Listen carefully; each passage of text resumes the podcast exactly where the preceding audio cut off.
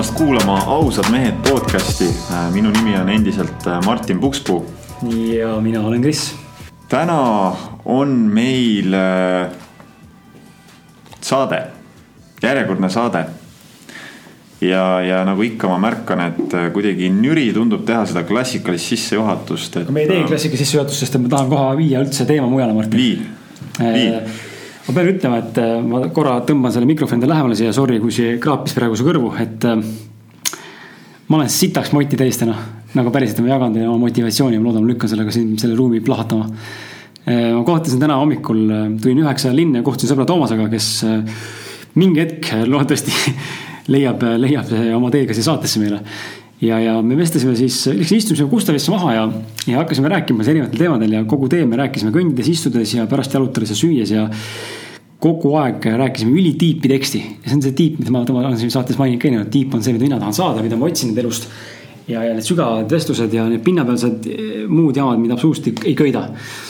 ja, ja me rääkisime kõigest, et kuidas üldse alateadus toimub, on ju, kuidas nagu jõuda sellest, et äh, Toomas oli huvitav point, et et kuidas nagu, kui me teadlikult ahmime infot sisse, eks ole, raamatud, seminarid, podcast'id, asjad, harime ennast teadlikult, siis kuidas see kõik integreerida alateadvusesse niimoodi, et see rakenduks et me tegelikult loeme infot ja see jääb tihtipeale infoks, me tegelikult alateadlikult ei rakenda mitte sittagi. elu ei muutu. Eh, mingis laadses võib-olla muutub, aga mitte nii drastiliselt, võib-olla saaks kõiki asju kohe nagu rakmesse võtta ja oleks tulemus veel võimsam. Me rääkisime üldse kosmosest, rääkisime seal kurat enda arengust, enda teekonna leidmisest, eh, rääkisime üksteisele, peegeldasime nagu erinevaid märke, mida tema näeb enda pokkeri teekonnal, mida mina näen täna ausalt meeste podcast'i puhul, kuidas on elu annab märke sulle, et. türa davai noh, tee enda asja, mida sa kahtled ja, ja nüüd ma tunnengi, et ma olen nagu nii, nii, nii palju andis mulle see vestlus Toomasega. see üks vestlus siin selle nädala jooksul. niimoodi avameelselt ja ausalt ilma filtrita rääkida omavahel. Nii sügavatel teemadel andis nii palju usku ja sellist nagu sisemist power'it, et ma tunnen, mu sees on nii palju praegu on jälle sihukest nagu nii palju eh, energiat, nii palju tahtmist ja südikust, et ma tuleks ja lammutaks, ma tulen, ma teeks kuradi. sihuke tunne, ma ei tea, mis ma ära teeks praegu, kui mul oleks võimalik teha praegu, andke mulle, ma teen ja, ja ma sain jälle täna kinnitust sellele, et kui, kui vähe tegelikult, mingil määral, kui vähe on vaja teha ja teistpidi. kui, kui palju me tegelikult iseennast saboteerime enda teekonnal olles, et kui me käime enda teed, me oleme täna teinud, näiteks ma toon selle podcast'i näite, me oleme poolteist aastat podcast'i tagunud sinuga, Martin. ja ma täna näen nüüd viimased kaks kuud väga tugevalt, kuidas elu annab erinevaid märke see on see tee, mis tuleb käia, see on see tee, mis sa praegu teed, see on õige, sa teed õiget asja. ja see tuleb kõigepealt külluslikud kingitused, kutsumised saatesse, intervjuud, koostööpakkumised. saated õnnestuvad, külalised ise tulevad külalisema juurde, on ju, kuulajaid tuleb rohkem juurde. Grupp Facebookis kasvab, on ju, kui sa ei teadnud, kallis kuulaja, meil on Facebooki grupp, kuhu saab sisse ainult siis, kui sa tead kedagi, kes grupis on sa võid meile Martinile kirjutada ja siis saame rääkida. ja ma näen, kuidas nagu nii tugevalt minus on jälle see kasvanud see täna see tunne jälle, et perse need kõik inimesed, kes kahtlevad sinu ja sinu oskustes ja sinu selles unistuses. Fuck them all lihtsalt, sest et meil on tegelikult ainult sina saad muuta enda elu ja, ja ma tunnen, kuidas nii tugev on see power, mis sees täna on. Ja see on tulnud selle pealt, et ma olen tegutsenud poolteist aastat järjepidevalt.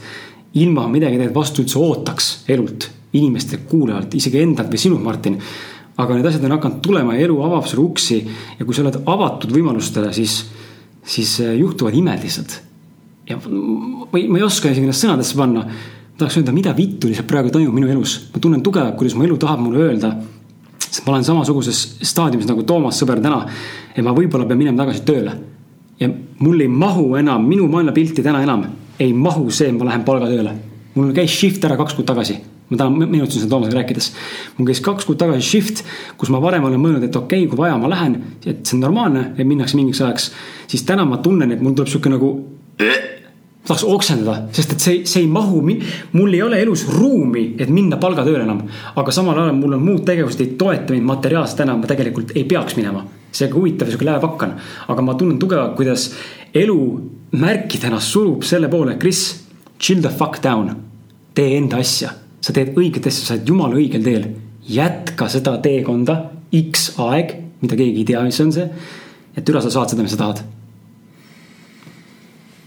minu meelest sa panid väga hästi selle sõnadesse ja, ja ma ei tea, mina ikka. kuna ma olen teinud selliseid äh, valikuid varem ja, ja ka praegu jälle teen sellise valiku. ma nagu tahaks julgustada sulle, et uh, usalda natukene rohkem elu. et uh, seda on väga raske teha ka mul endal, aga proovi las-, lahti lasta nendest äh, tulevikustsenaariumitest, mida tegelikult ei eksisteeri mitte kuskil mujal kui ainult meie peas.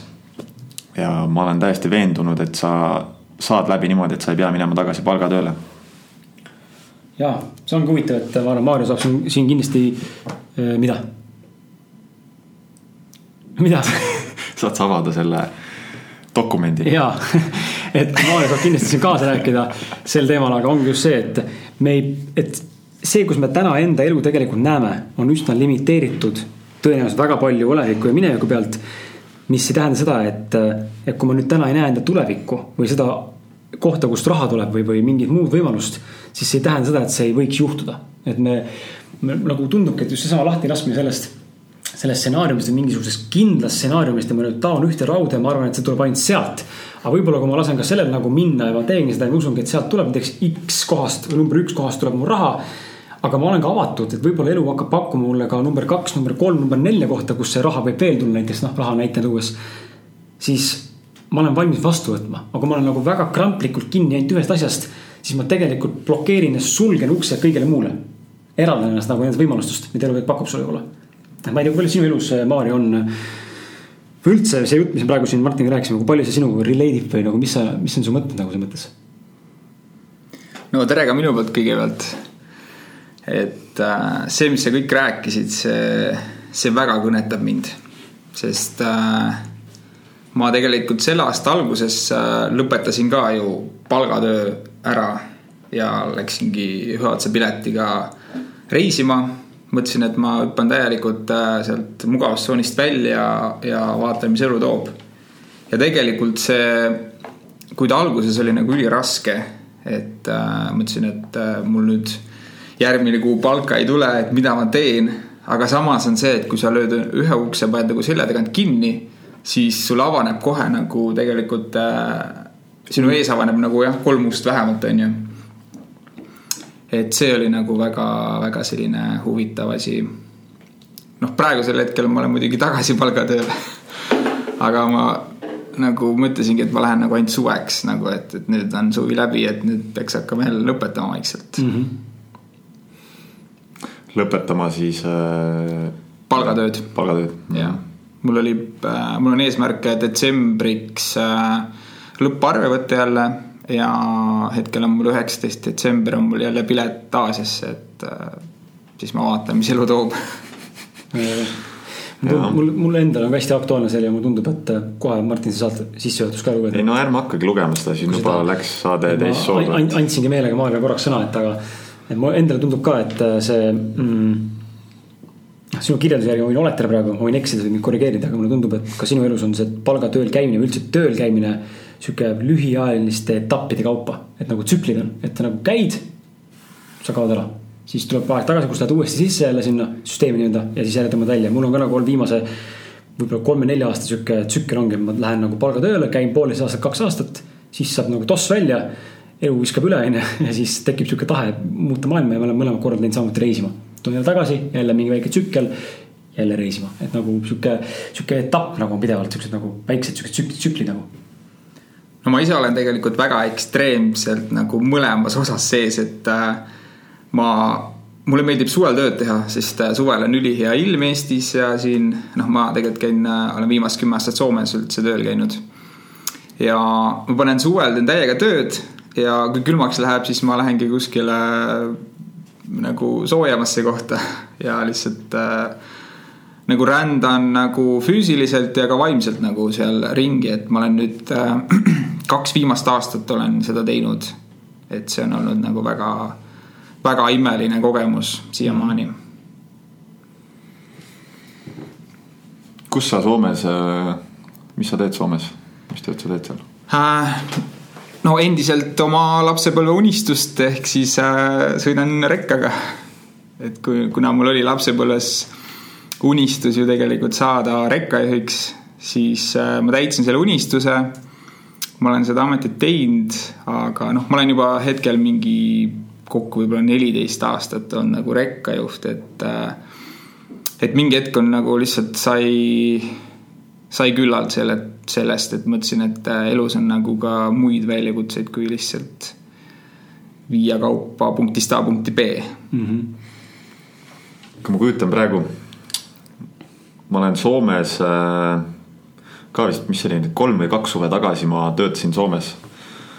tegin äh, kasuisa juures natukene ehitust, et äh, kiirelt äh, koguda stardiraha, et jälle Tallinnas elu alustada ja, ja seal ringi sõites mul nagu tekkis sihuke tugev äratundmine, et, et ma võiksin seal elada ja, ja mulle meeldib seal sõita ja praegu ma kujutasin ennast nagu ette rekkarooli sõitmas kuskil Soome vahet ja ma arvan, see võib olla päris mõnus selline aeg tegelikult nagu mõtiskleda enda sees ja, ja nagu tundub nagu, tundub huvitav.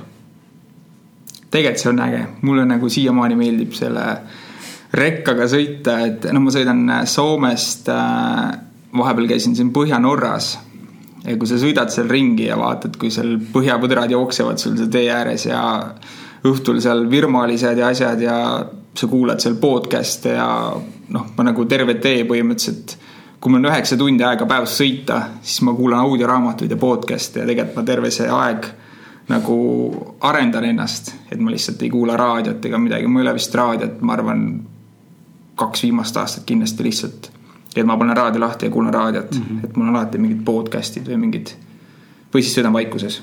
see on ka nagu äge tegelikult teinekord. seda on mul viimasel ajal väga palju ees, lihtsalt vaikuses, isegi ei viitsi midagi nagu kuulata. kuidagi, kuidagi, kuidagi nii tavapäraseks muutub see, et enam ei häirigi see, et sa kuuled seda maantee mingit häält või auto müra või midagi, see kuidagi, isegi seda ei kuule enam lõpuks. sest ongi, see ongi vaikus.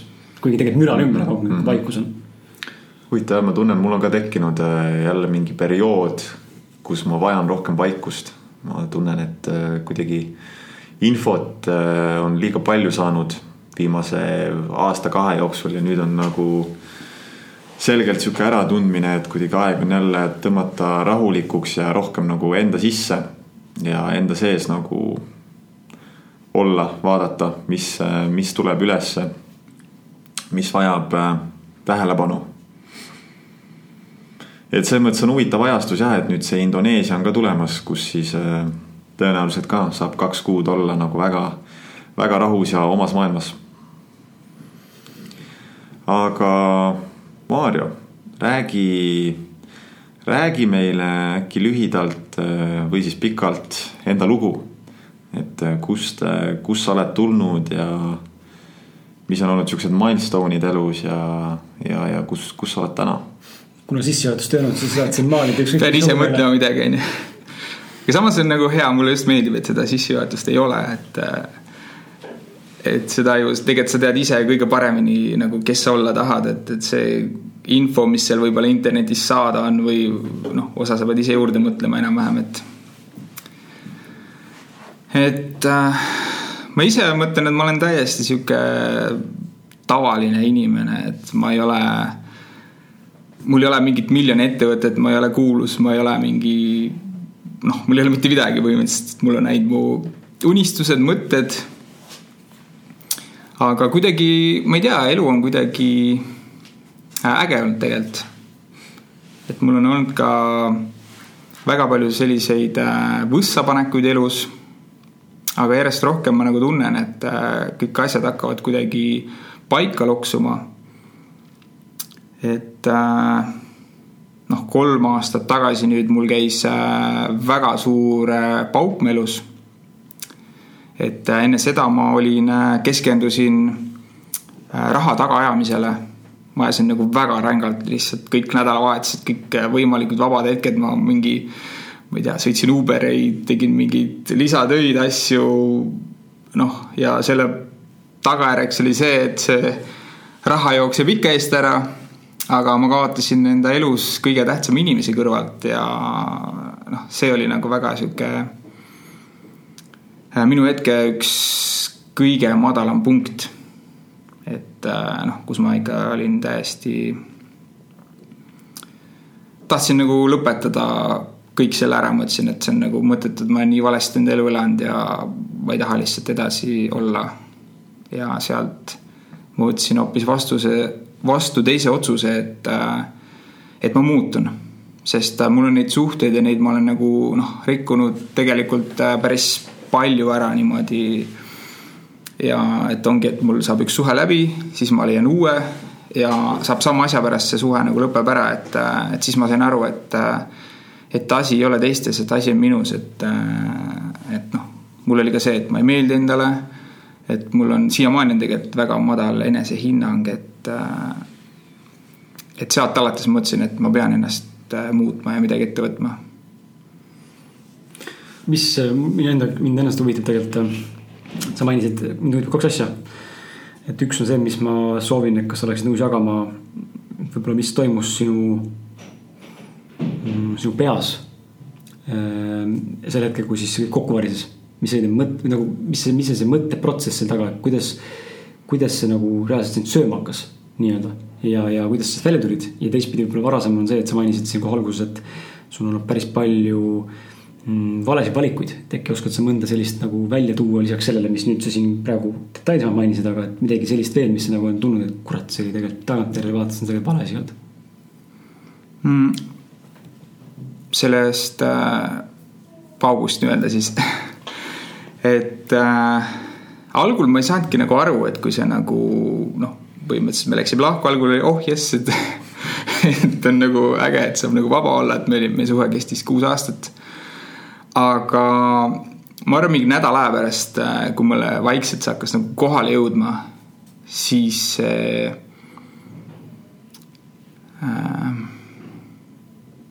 noh, see oli ikka päris ränk. et ma mäletan, et ma just läksin äh, Eestist Soome. ma olin, mul oli veel venna käest äh, Subaru võetud. see oli talv ka ja, ja siis ma sõitsin nagu koju ja sõitsin seal lahti kiirteel ja siis äh,, siis mul olid need mõtted kuidagi peas, et äh,, et äh,, et noh, nüüd on kõik läbi.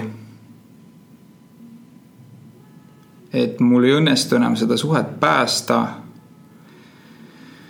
Ja et ma olen nagu täiesti läbi kukkunud ja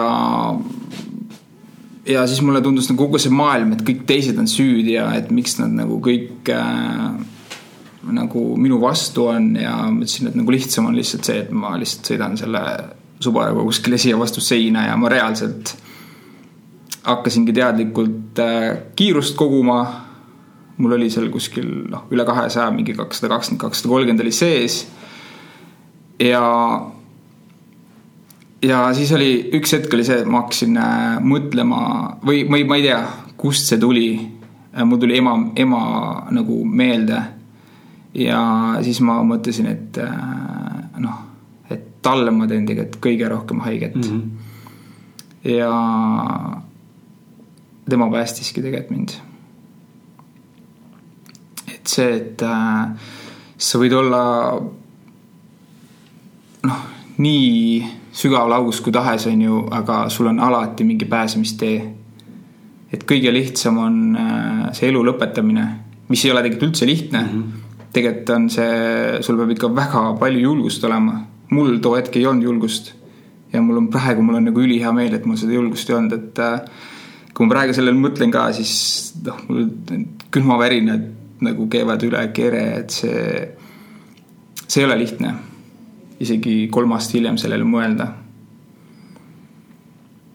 vot huvitav ongi see minu arust inimesed, kes noh, ma muidugi ei tea ju selles mõttes, me ei saa nende inimestega rääkida, kes on enesetapu teinud. aga mulle tundub, et tihtipeale just ei mõeldagi nendest inimestest, kes tegelikult jäävad siia maha, kes tegelikult sinust hoolivad, kes tegelikult ei üldse seotud sellega, aga ei ole nagu, ei ole nagu väärt seda sündmust või noh, põhjust, mida sa justkui tekitad, on ju, et see on see on hästi huvitav tegelikult, et see sul ähm, nii-öelda mõttesse lõi siis sel hetkel ja nagu tõmbas selle, selle nagu fookuse sealt nagu eemale. et äh, väga huvitav. sest see oleks tegelikult põgenemine nagu ju iseenda eest. et, et sa nagu ise küll põgened ära, aga noh, teistel on ju tegelikult see, su lähedastel on tegelikult see ju väga ränk pauk, et siis sa nagu nendest nagu üldse ei hooli, kui sa ise lihtsalt minema lähed, et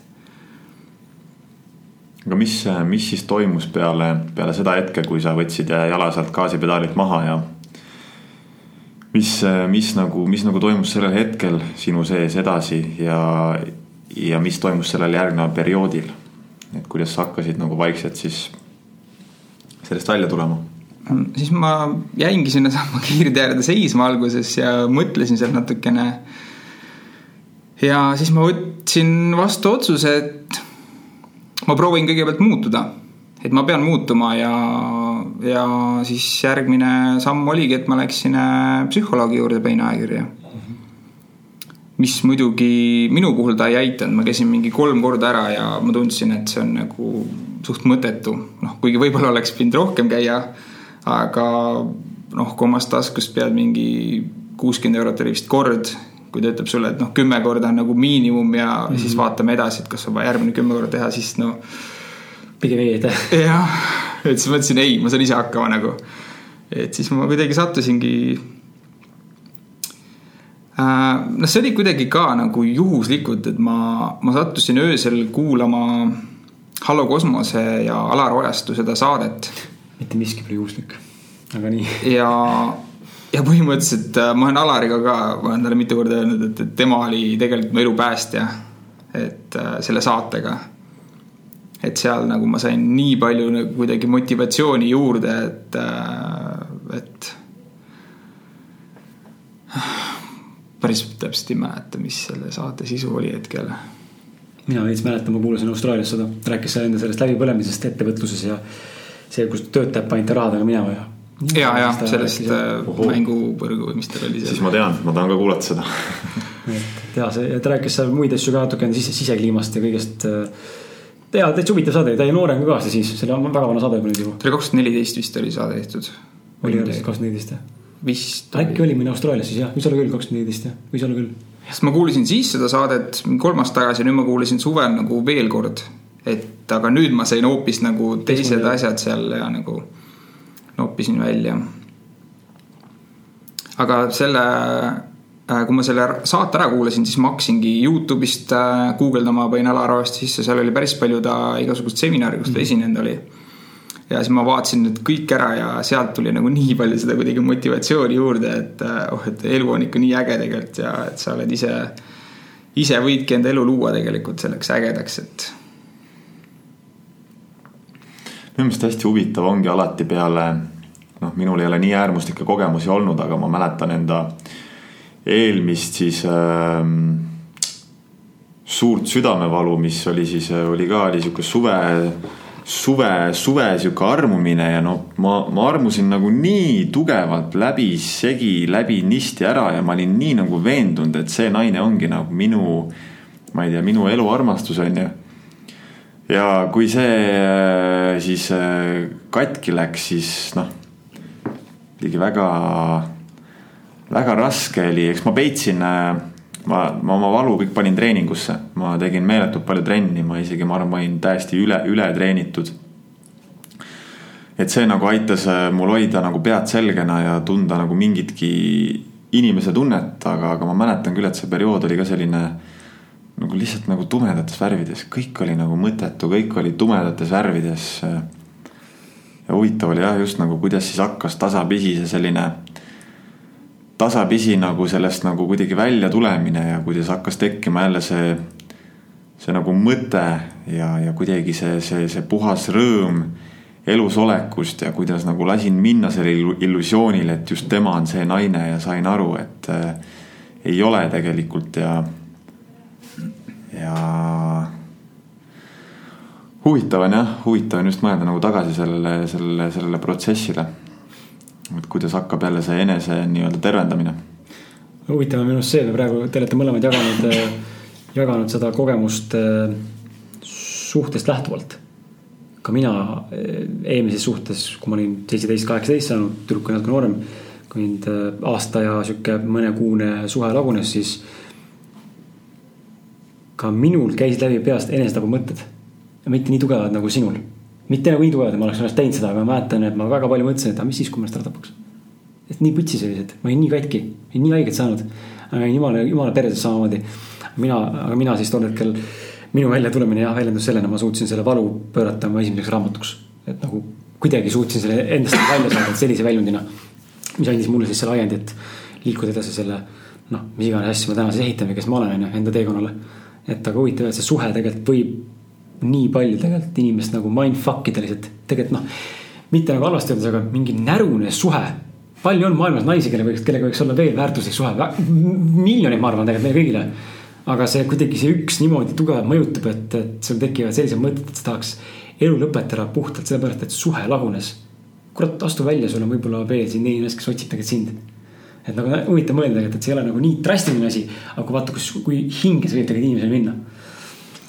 aga vaata, milline kingitus on tegelikult sellel valul. näiteks kui sa praegu ütlesid, et see pani sind kirjutama raamatut, ma praegu esimest korda nagu jõudsin sellele mõistmisele, et äh, peale seda lahkuminekut ma suunasin kõik oma valu trenni tegemisse. ja sealt tegelikult saigi mul alguse see visioon, et äh, ma tahaks tegeleda, tegeleda siis äh, trennimaailmaga. ma tahaks äh, aidata teistel saavutada paremat vormi ja ma avastasin nagu enda selle kire. just sihukese keharaskusega treenimise vastu ja tegelikult mingis mõttes suuresti sealt saigi nagu alguse see, et ma üldse tulin sellele elurajale, kus ma nüüd olen olnud, et mm. -hmm aga see on nagu päris huvitav fakt, et te mõlemad olete nagu peale mingit suhte purunemist nagu ekstreemselt millegi tege-, tegelema hakanud siis mul on täpselt sama, et kui mul see suhe ju läks, on ju. Äh, see purunes novembris või midagi ja siis ma mais läksin äh, esimest korda üksi reisile. ja siis ma hakkasin ekstreemselt lihtsalt reisima, mul oligi see, et ma võtsin äh, ma mäletan, et see oli mingi pühapäevane päev, mul oli täielik nagu sihuke masendus peal, mõtlesin, et ma tahaks nagu ilusat elu otsima minna ja siis ma võtsin äh, lihtsalt lambist pileti, edasi-tagasi pileti äh, Los Angelesse. ma ei tea mitte mingit plaani midagi, mõtlesin, ma olen täiesti üksi ja mul on täiesti suva ja noh, ma leian mingi ilus elu sealt. ja samas see, ma olin nagu nädal aega, ma sõitsin sealt Grand Canyoni, ma sõitsin Las Vegas'ist, kõik asjad nagu läbi ja siis ma mõtlesin, et vau wow,, et äh, et see on nii äge mm. -hmm. ja siis oligi, ma võtsin oktoobriks juba Palile pileti. seal ma olin kaks kuud, noh, ma Aasias kokku kaks kuud ja sealt äh, tekkis mu see ekstreemne reisimine nagu peale selle suhte purunemist. just see üksi reisimises käimine nagu, et see, see kuidagi andis mulle nii palju energiat ja noh, see on nagu täiesti äge ja, et kuidas inimestel nagu tekibki mingi, mingi plaan või mingi, lähevad kuidagi nagu muu asjaga tegelema enam-vähem või noh, nagu sa mm. kirjutasid raamatu onju või sina hakkasid trenni tegema või noh, mina hakkasin reisima, et. et selle suhte kõrvalt ma arvan, seda asja ei oleks nagu toimunud, et. Polnud ju, polnud, mille pealt, mille peale ehitada seda, et nagu. see on see, mis ise alguses ütlesid ka, et äh, üks uks sulgub, siis avanevad teised. avanes reisimine, trenn ja raamat onju, enne polekski olnud, polnudki millestki kirjutada, polnud ju valu sees mm. -hmm mida välja elada või nagu mingit motivatsiooni või, või eneseotsingut on ju, et ongi huvitav, et. et tagantjärele vaadates täna jälle see Toomasega ka korraks sisse juhatas see teema, et jõudsingi selleni, et ka siin, me praegu räägime, et tulebki see taipamine, et. tagantjärele on alati hea näha, kuidas kõik tegelikult on olnud kronoloogiline ja üliloogiline järjestus elule, nagu see on nii pidanud minema, see on sinu tee olnud lihtsalt. aga ise selles hetkes olles nagu tundub sihuke, et noh, et mis juhtus midagi ei juhtu niisama, noh. see on nagu väga kindlalt läinud lihtsalt niimoodi et hästi huvitav jah, et ma olen mõelnud nagu filosofeerinud, et kui oleks nagu võimalik täna hetkemomendis näha nagu tulevikku ja tulevikust tagasi täna siia, et mõista, mis siin tegelikult toimub. et kas ma tahaks seda näha? et kas see, kas see nagu killiks ära selle protsessi ja selle fun'i? raudselt. või see, selle hustle'i või selle ebameeldivuse või vastupidi, saaksin teha paremaid valikuid. aga minu meelest see näitabki seda, kui peenelt tegelikult elu toimib ja. ja see ongi see, mida, mida kõik need vaimsed õpetused ju, no ma ei tea, mis kõik, ma ei ole uurinud kõiki vaimseid äh, õpetusi, aga milleni mina olen jõudnud, et äh, nad ju kõik õpetavad seda, et äh, nagu vabasta kontroll. aktsepteeri elu ja hetke sellena, nagu see on ja justkui nagu vabasta see egopõhine elu surumine mingis suunas. minu meelest need näited praegu, mis me kõik kolm rääkisime, ongi ehe näide sellest, kuidas miski, mis sel hetkel tundus nagu nii suure valuna ja nii nagu ebaõiglasena ja nii nagu valusana. tegelikult osutus väga suureks kingituseks. Alis, alistu siis äh, võimalustele või, või mis, mis iganes jah, see õige sõna on siis? no minu meelest see sõnum jah, olekski see, et äh, ikkagist kuidagi elu nagu õpetab ikka jälle, et äh, aktsepteeri ja võta vastu kõik, mis, mis elus on. ja, ja, ja mitte võidelda selle vastu, mis, mis on parasjagu mm. -hmm. sest ma arvan ise ka, et need kõik, mis need suhted nagu metsa lähevad, et need peavadki minema, et, et see on ka nagu väga vale, mida paljud teevad, et hakkavad nagu oma ekse nagu kuidagi maha tegema, et oo, et see oli nii bitch ja noh asjal on nagu kaks poolt, sa nagu, ma ei tea, pool aastat tagasi nagu armastasid seda inimest täiega ja siis nüüd ta on bitch on ju, et sa oled ise selle bitch'iga koos on ju, et see. See on kahjuks nagu väga paljudel niimoodi ja, ja see ka, et kui nagu minnakse lahku, siis otsitakse kohe järgmise, järgmine inimene kõrvale et äkki see nagu aitab, aga, aga see ei aita, see on nagu hetkeline, et Tüü ma võsti, võtsin ka selle otsuse vastu, et äh, ma teadlikult, ma vähemalt aasta aega tahan olla vaba. Mm -hmm.. noh, nüüd ma olen olnud äh, peaaegu kolm aastat vaba ja tegelenud endaga. ja tegelikult see on nagu aitanud mind nii palju selle, see just see, et sa ei saa teist inimest armastada, nii kui sa ei armasta ennast, noh, kõik räägivad seda, onju. aga sa ei saa sellest e-, enne aru, kui sa ise ei koge seda läbi nagu. absoluutselt. aga sa mainisid ka siin alguses kohe ära, lähme, lähme selle esimese Eh, minu poolt küsimuse esim-, teise osapoole siis või esimese osapoole peale, et ähm, äkki on veel mõni huvitav näide tuua, kus sa tagantjärele vaadates täna saad öelda, et, et äh, tol hetkel oli raske, aga tegelikult see noh, vale otsus oli tegelikult, noh, see oli vale, vale valik nii-öelda. ma tegelikult, äh, mul tuli üks asi meelde, mis sa enne rääkisid, ma räägiks kiiresti selle ära. et kui sa ütlesid, et, et võib-olla pole nagu hea vaata näha tulevikku ette mm. -hmm. et äh, ma just mm, paar nädalat tagasi lasin endale sünnikaardi teha. Kas te olete kuulnud sellest? võib-olla põgusalt, mitte päris. see on astroloogiliselt pannakse paika nagu, mis sinuga juhtub mm -hmm. ja. ja seal oli ka, ma pidin andma viis tähtsat sündmust enda elust. ja siis pandi see sünniaeg paika kuidagi ja siis meil oli nagu videovestlus, mingi sihuke poolteist tundi kestis see ja siis ta küsis mingeid kuupäevi mu elust, et mis siis toimus ja mis siis toimus ja see oli nii uskumatu, et see kõik läks täppi. ma mäletan, üks kuupäev oli see, et äh, see oli vist kakskümmend neli veebruar mingi eelmine aasta. et äh, siin näitab, et sul on mingi rahaga mingi või mingi sihuke krahh või mingi asi käinud ja siis ma vaatasin nagu enda Facebook story des või sealt järgi, noh, seal enam-vähem ikkagi mäletad enam-vähem. ja siis ma vaatasin, aa jaa, et siis ma nagu kaotasin väga suure summa nagu raha ja siis ma mõtlen, et vau, et noh. et see ei ole võimalik, et oleks kuidagi teadnud seda, et see asi nagu toimib ja, aga samas ma kardan seda, et ta ütles äh, mulle mingid kuupäevad, mis äh, mu elus nagu on väga halvad ja mis on väga head. ja ma sain selle videona nagu, selle fail saadeti mulle videona pärast. ma olen selle läbi töötanud kuni sinnamaani, kus ta hakkab mu tulevikust rääkima. sest äh, ma mõtlesin, et ma ei taha seda näha et äh, noh, üks kuupäev on mul meeles, et äh, see oli jälle veebruar kakskümmend kaheksa vist või midagi sihuke, veebruari lõpp oli. ta ütles, et mu elust tuleb väga suur krahh. kas rahaliselt, terviselt, tervis ütleb üles midagi. ja noh, siis ongi tegelikult see, et kui sa tead juba ette ära, et sul sel päeval tuleb, noh siis see tulebki, siis sa juba arvestad sellega ja võib-olla siis sa teedki mingi vea, et miks see nagu tuleb. et ma mõtlesin, et seda ei ole võib-olla hea, kui sa nagu tead enda tulevikku et selle osa ma jätsin täiesti nagu läbi töötamata, et ainult see üks kuupäev on meeles mul kahjuks mm. -hmm. aga ma teadlikult ei taha nagu teada, et mis, mis ees ootab, et siis sa ju üritadki kuidagi nagu sinnapoole suunud, suunduda, et siis sa nagu ei lähe kuidagi sujuvalt, vaid sa suunad ennast nagu võib-olla nagu valesti mm. -hmm. ma arvan küll, sest et nagu mis minu mõttes oli, ongi see, et isegi kui korraks jätta kõrvale see esoteeriline ja spirituaalne pool, siis puhtalt äh, praktilisest ja, ja ka manipulatiivsest ja võib-olla sellisest nagu korduvast, korduvusest lähtudes.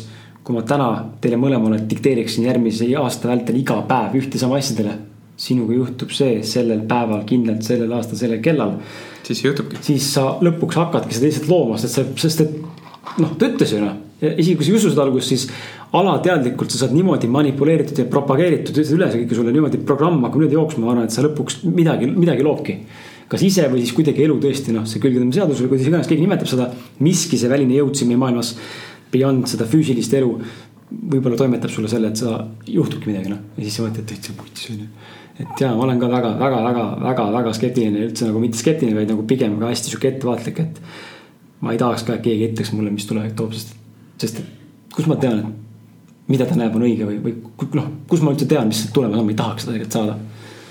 et, et äh, huvitav jah. Ja selle küsimuse juurde siis tagasi pöörduda, et sa küsisid, et mis veel on. no mingi näiteks mõni, mõni võib-olla näide jah, kus sa siis seesama, see suur krahh, mis mul nii-öelda rahaliselt, no see ei olnud nagu väga suur, ega see oli piisavalt suur. et äh, ma kuulasin just ühte saadet ka, kus te rääkisite natuke võrkturundusest mm. -hmm siis äh, mind suudeti ka sisse meelitada natukene ühte turundusse, kuhu ma kaotasin sellise viiekohalise summa. Et see oli, no see ei olnud nagu selles suhtes väga hull, aga. aga ikkagi. aga ma pidin selle kaotama, sest äh, kui ma sain aru, et, äh, et see nagu ei toimi minu jaoks ja ma olen sellest rahast põhimõtteliselt ilma siis ma olin vihane enda peale, et ma nii naiivne olen, et ma neid inimesi uskusin, kuigi ma algul sisestasin endale, et ei, et noh, ma võrkturundus või püramiidskeemid või mis need on, et ma, ma ei pane sinna raha ja ma tean, et need ei toimi.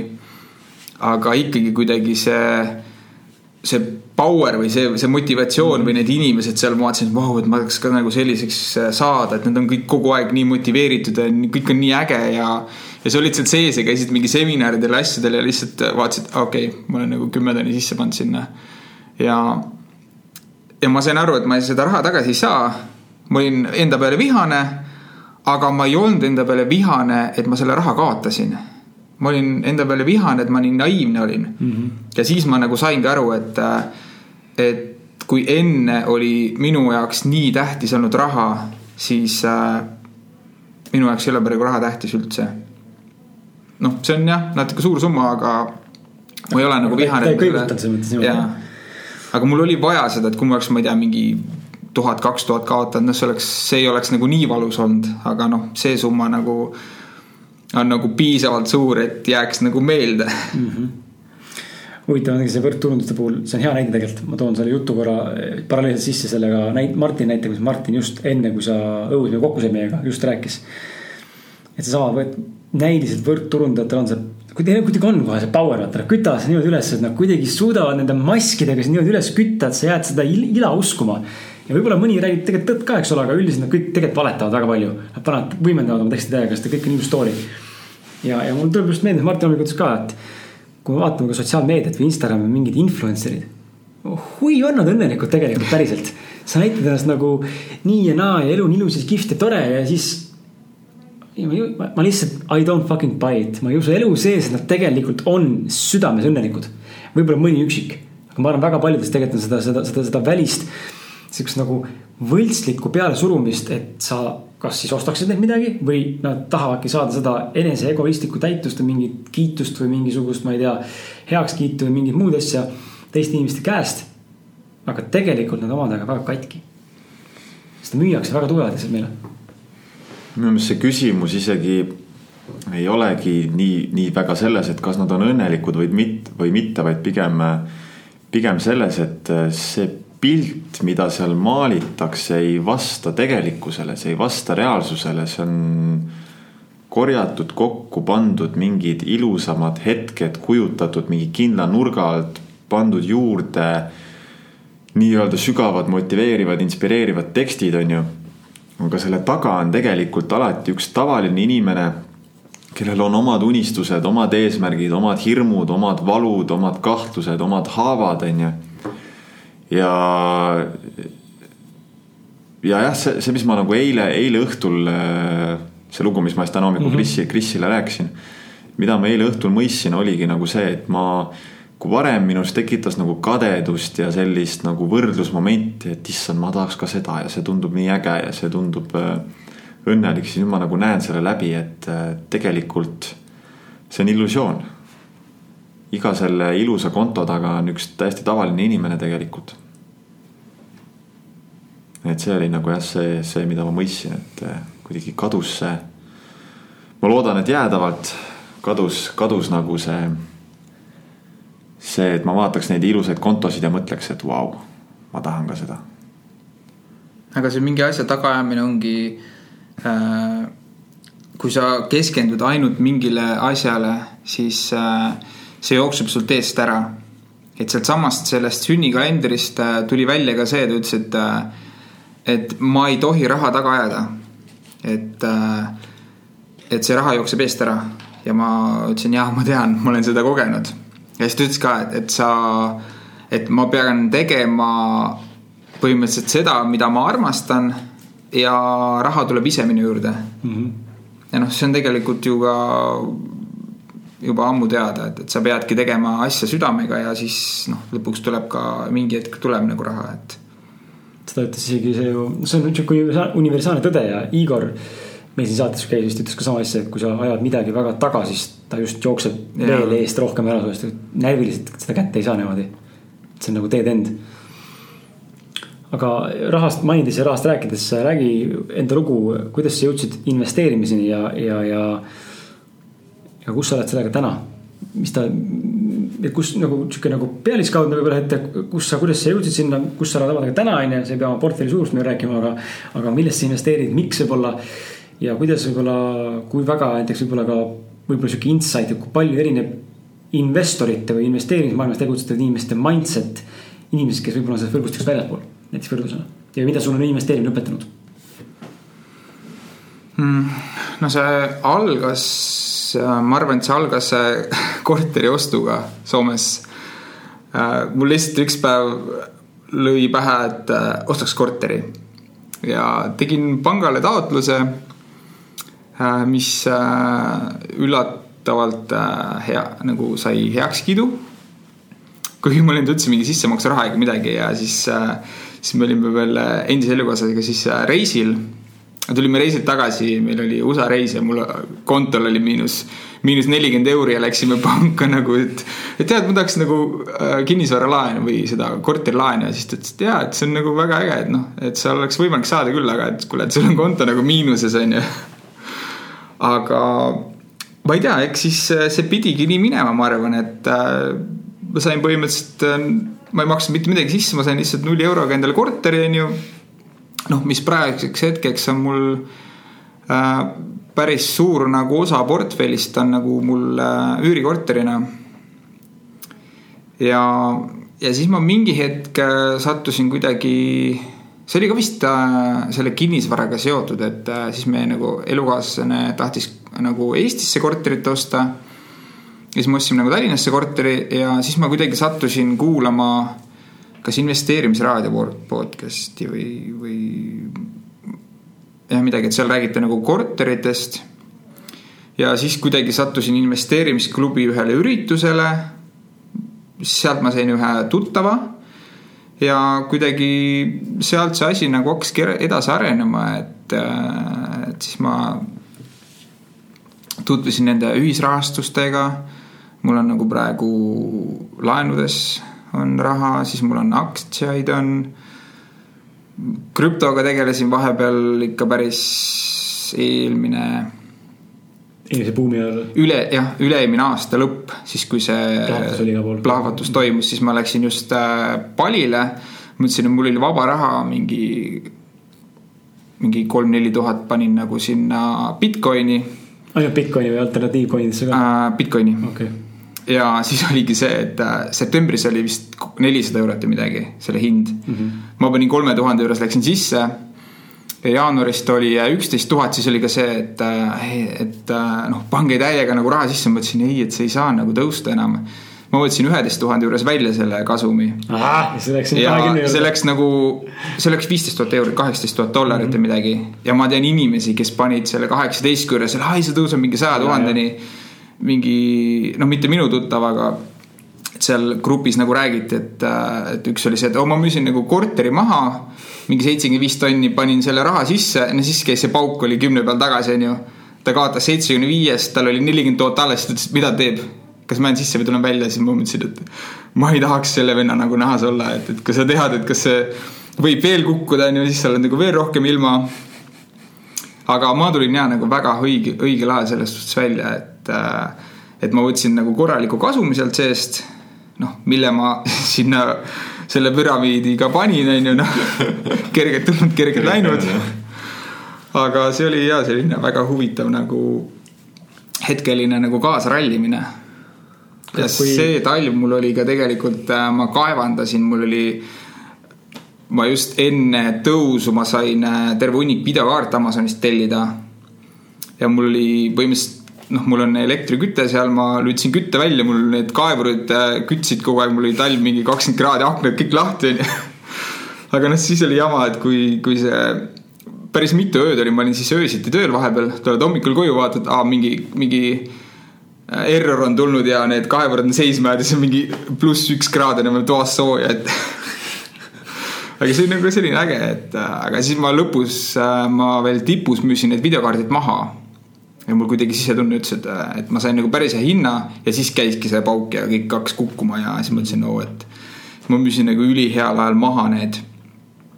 ja sealsamas selles sünnikalendris äh, öeldi ka, et tegelikult äh, kui ma enda sisetunnet nagu õpin kuulama, siis ma saan tegelikult nagu väga edukaks, et äh, et ma praegu üritangi tegeleda selle sisetunde nagu kuulamisega, sest noh, mul on ma ei ole elus ühtegi CV-d teinud, mul on kõik kuidagi iseenesest nagu tulnud, et äh, mul ei ole olnud kunagi mingeid rahalisi probleeme ega midagi, et äh, noh, lihtsalt igav on vahepeal no kui sa seal Bitcoini, noh, need, kes kuulajatest võhikud on, ei tea, mis on krüptovaluuta, siis võib-olla aru ei saa aru, aga kui sa Bitcoini ikkagi kolmesaja, neljasaja kätte saad, siis see on ikka väga kõva sõna juba. täna on see hind hoopis teine ja see hind läheb, ma arvan. hetkel on vist siin kaheksa, üheksa, ma olen nüüd kuu aega jälginud. kaheksa, kakssada on vist praegu see hind, mis täna hommikul. siin ju prognoositakse sellele ma isegi ei tea, mis hindasid vahet pole, et siin peaaegu poolte miljonit on ju tükki, et ma, ma ei imesta, kui see võib-olla kümne aasta pärast nii ei ole, et. no mul on siiamaani tegelikult, mul on päris äh,, mul on ikkagi Ethereumi, Bitcoini, siis on mingi veel mingid paari coin'i, mida ma nagu ise kaevandasin. et ma ei ole nagu, nagu maha müünud, et mul on ikkagi seisab no, mingi väike osa, et ma jah ei müü, aga juurde ma ka ei osta et mul on iga, igal pool on nagu näpuotsaga, et aktsiates mm, -hmm. ühisrahastustes, kinnisvaralaenudes ja noh, igal pool on nagu natukene sees, et. et äh, mul ongi see, kui ma läksin äh, aasta alguses võtsin palgalt vabaks, läksin äh, Lõuna-Ameerikasse ühe otsa piletiga, siis ma ei teadnud, et kuna ma tagasi tulen ja siis ma nagu arvutasin ka, et põhimõtteliselt kui ma ei söö ega joo, siis ma olen nagu finantsiliselt vaba, et mu need passiivsed tulud katavad kõik mu kulud ära või noh mm., need arved ja kõik siuksed asjad, et siis tuleb hakata praktiseerima seda õhust, õhust, õhust elamist.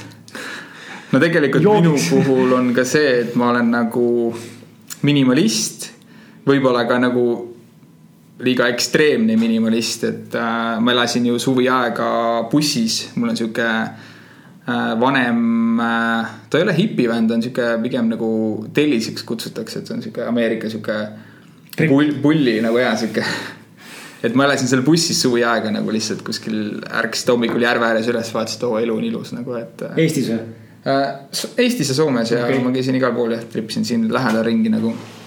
no seda väga kiidan, ma elasin autos kolm kuud, väga meeldis väga meeldis, jumala lahe aga paljud ei saa aru sellest, et mis mõttes, et sa oled kuskil bussis, et kas sul läheb nii halvasti, ma ütlesin ei, et miks peab halvasti minema, et ma isegi nagu vahepeal, kui ma ei viitsinud kaugele minna, ma läksin maja ette bussi no kodus nagu käisid pesus ära, tegid sõid kõhu täis ja läksid nagu bussi magama maja ette, et see on nagu hoopis teine feeling nagu seal on kuidagi oma maailm kõik on nagu, et seda ei, seda ei saagi edasi anda ja seda tunnet ei saagi enne tunda, kui sa ei ole ise elanud mõnda etappi autos või bussis või vännis nii-öelda. see on midagi muud. jah, mul tuleb ka ette kohe, minu võrdlusmoment on siis Austraalias kus meil küll äh, sihukest vänni ei olnud, aga siiski me ka reisisime ju autoga ja siis iga õhtu panime telgi maha. magasime telgis, hommikul jälle telk auto peale. aga sai ka nagu mingis mõttes selle feeling'u kätte, et äh, noh, ega see on nakkav, ma, ma juba tean, et ma, ma tahan seda uuesti kogeda. et minna, minna samamoodi mingi vänni või sihukese autoelamuga ja sõita mööda, mööda Euroopat ringi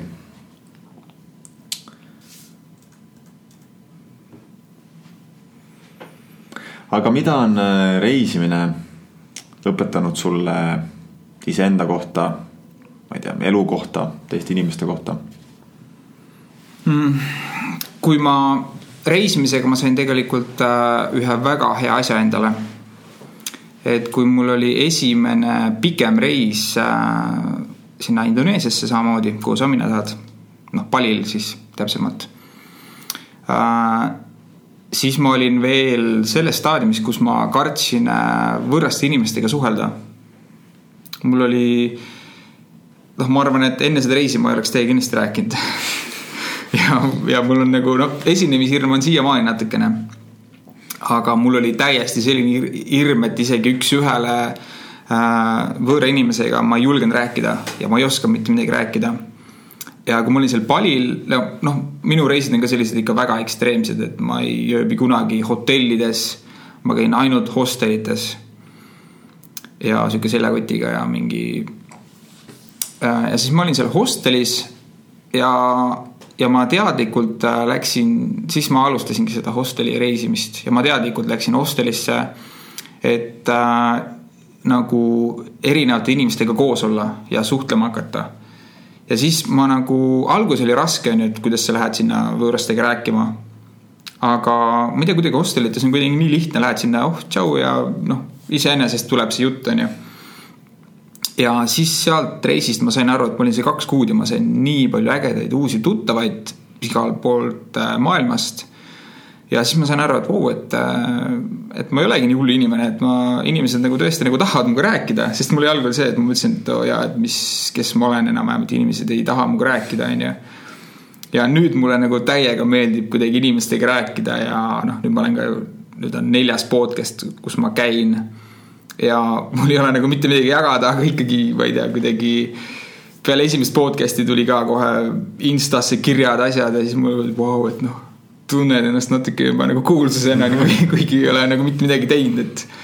tegelikult see on nagu äge selline maailm, et, et inimestega suhelda, et mine ja tee ja lihtsalt näed, kui äge see tegelikult on. ma arvan, et siin äh,. mis mõte mul endal tekib, on see, miks võib-olla.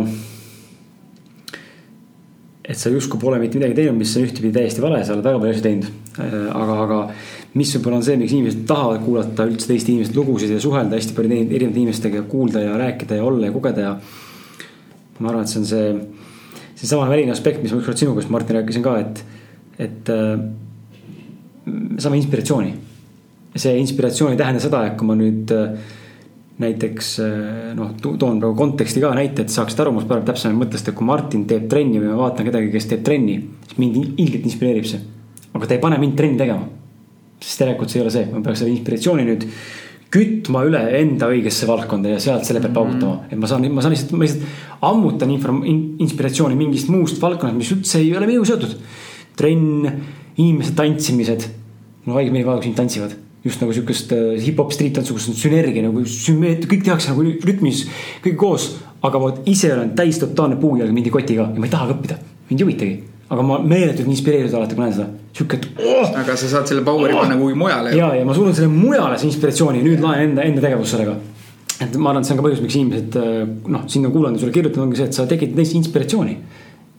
aga minu puhul on võib-olla see, et noh, ma jagan ka Instagramis jagasin hästi palju enda rei-, kui ma olin reisil, siis ma jagan hästi palju story sid teen ja jagan täiega nagu asju ja inimesed on nagu selle peale ka tänulikud, et, et ma ei jaga nagu sellepärast, et oh, et näidata inimestele, oh vaadake, et ma käin umbes, ma ei tea, kuskil Brasiilias või Peruus kuskil Machu Picchul on ju, aga ma jagangi inimestele sellepärast, et nagu anda inimestele inspiratsiooni. Ja minu jaoks on ka see, et, et ma täidan oma unistusi kohe. et ma olen öelnud ka, et nagu noh, kui te unistate millegist, et siis nagu ärge lükake neid edasi, on ju, et oh kunagi, kui mul aega, raha, ma ei tea, mida iganes on, et siis ma lähen ja teen, no seda aega ei juhtu kui sa kohe neid ei täida, siis äh, need jäävadki täitmata. ja ma just eile või üleeile leidsin enda konspekti, ma käisin äh, siis, kui ma olin alles enda selle rännaku alguses. ma käisin äh, life planning'u koolitusel ja seal me pidime panema äh, sada asja, ei, seal oli see, et, et mis ma tahan järgmise ühe kahe aasta jooksul nagu ära teha igas valdkonnas mm. -hmm ja ma vaatasin neid ja mul on enamik asjad seal tehtud. ilma, et ma oleks nagu teadnud, ma siis panin kirja need asjad mm, -hmm. mis tundusid noh, ja pff, nagu ulme enam-vähem on ju, seal öeldi ka, et no et visualiseerige, et see ei pea olema see, et mis nagu täide läheb, aga mida te tahaksite. okei okay,, ma panen siis noh ja, ja ma vaatasin praegu, et need on kõik asjad on nagu, mitte kõik, aga mingi kaheksakümmend protsenti asjadest on nagu saavutatud. ilma, et ma oleks selle peale mõelnud, see on iseenesest kuidagi tehtud nagu ja ma olen ka märganud seda enda vanu päevikud, päevikuid ja enda vanasi top sada listi, unistuslisti vaadanud, muidugi seal on hästi primitiivseid asju ka, noh, ma võib-olla täna minu jaoks primitiivsed asjad a la omada Lamborghinit, noh, tegelikult ei koti, et aga, aga noh, mingi kümme aastat vana unistused on ju. et aga väga palju on siukseid asju ka, mis lihtsalt ongi vaata, et vittu, tehtud tegelikult ju, jumala fun. et äh, seal on mingi, mingi, mingi connection on seal, et kui sa paned selle kirja ja lased selle mõtte, idee välja, siis äh, it's gonna fucking happen see on tõesti huvitav, mul tuleb ka kohe ette see, kuidas ma olin äh, just siis, kui ma olin seal suve, suvel Soomes tööl. valmistusin äh, Tallinna tagasi tulema ja oma nii-öelda siis treeneri karjääri make it or, or fail on ju mm. alustama ja siis ma mäletan ka, ma panin kirja omale, et eks ju, et enda ettevõte, mingi teen personaaltrenne, teen workshop'e, kodulehte, see, see, see. ja samamoodi, kui ma sellele vaatasin hiljem nüüd uuesti peale sellele dokumendile siis ka enamik asju olid nagu saavutatud. mida ei olnud saavutatud, ei olnud võib-olla seda sissetuleku taset, mida ma ootasin ja ei olnud äh, autot. aga jah, ka samamoodi enamus asjad tegelikult nagu see elustiil oli põhimõtteliselt saavutatud.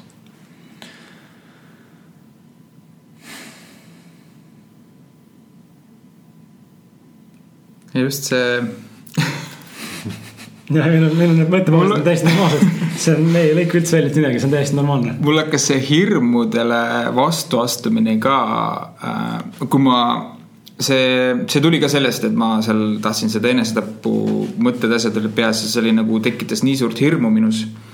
ja, ja siis sel samal suvel ma, ma kardan meeletult, siiamaani kardan meeletult kõrgust ja ma mõtlesin, et ma hakkan enda hirmudele vastu astuma nagu noh, ikka täiega vastu astuma. ja siis ma lägin, läksin, tegin nagu langevarjuhüppe, et mõtlesin, et see on nagu ideaalne äh, viis sealt hirmudest välja hüpata mm. -hmm. aga noh, see ei aitanud kas langevarjuhüpe, eks mina, kui ma õppisin langevarjuga, ma ei tajunud seda kõrgust kuidagi nagu. sa õppisid ise või, või tandemit? tandemit. no mul oli see, et ma ei taha tandemit, ma ei taha olla kaasreisija, ma tahan ikkagi ise mm. välja hüpata ja ise hirmudele vastu hüpata. ja esimene kord mul oli, ma ei mäleta mitte midagi sellest hüppest. ma mäletan kuidagi, kuidagi said sealt välja hüpatud ja kuidagi see vari avanes ja no siis oli see, siis vaatasin küll, et vau wow,, et see on nagu nii imeline, kuidas, kuidas sa hõljud seal. siis ma sain kuidagi maandutud aga ma, ma ei mäletanud seda, kuidas ma sealt lennukist välja hüppasin ja siis ma mõtlesin, et ma ei taha sellist kogemust, mida ma nagu ei mäleta. ja siis ma sain veel minna ja kokkuvõttes ma hüppasin esimene nädalavahetus äh, seitse korda, eks esimene päev kolm korda siis äh, oligi laupäeval hüppasin kolm korda ja neljapäeval hüppasin neli korda veel ja siis järgmine nädalavahetus hüppasin veel äh, kuus korda, ehk siis mul on kolmteist korda hüpatud.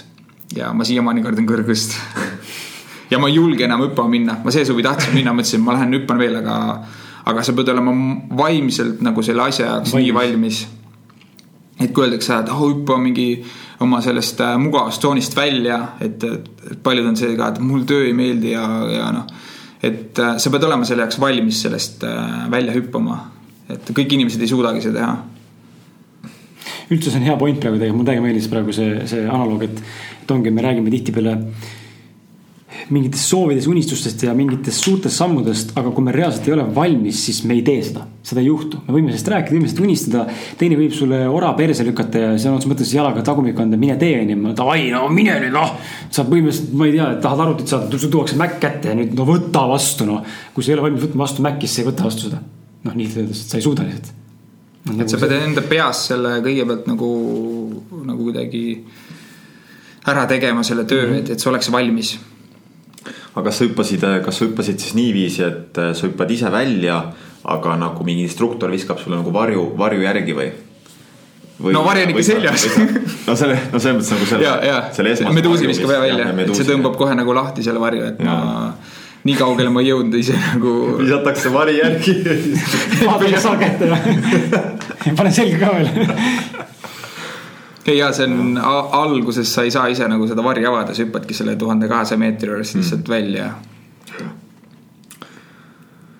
aga see oli äge kogemus, see, see on nagu ka selline feeling, et et kui ma sealt hüppasin paar korda välja ja kui see noh, kogu see seltskond oli jumala äge, et seal mingi laupäeva õhtul noh, pakid oma varjud, värgid kokku ja siis seal need äh, kes igapäevaselt tegelevad, see klubi liikmetel on mingi saun ja piloodid ja siis teevad kõik sauna ja siis panevad mingi hommiku kolme-neljani seal jõime piloodiga viina seal saunas ja siis järgmine hommik umbes, okei okay,, nüüd lähme uuele katsele.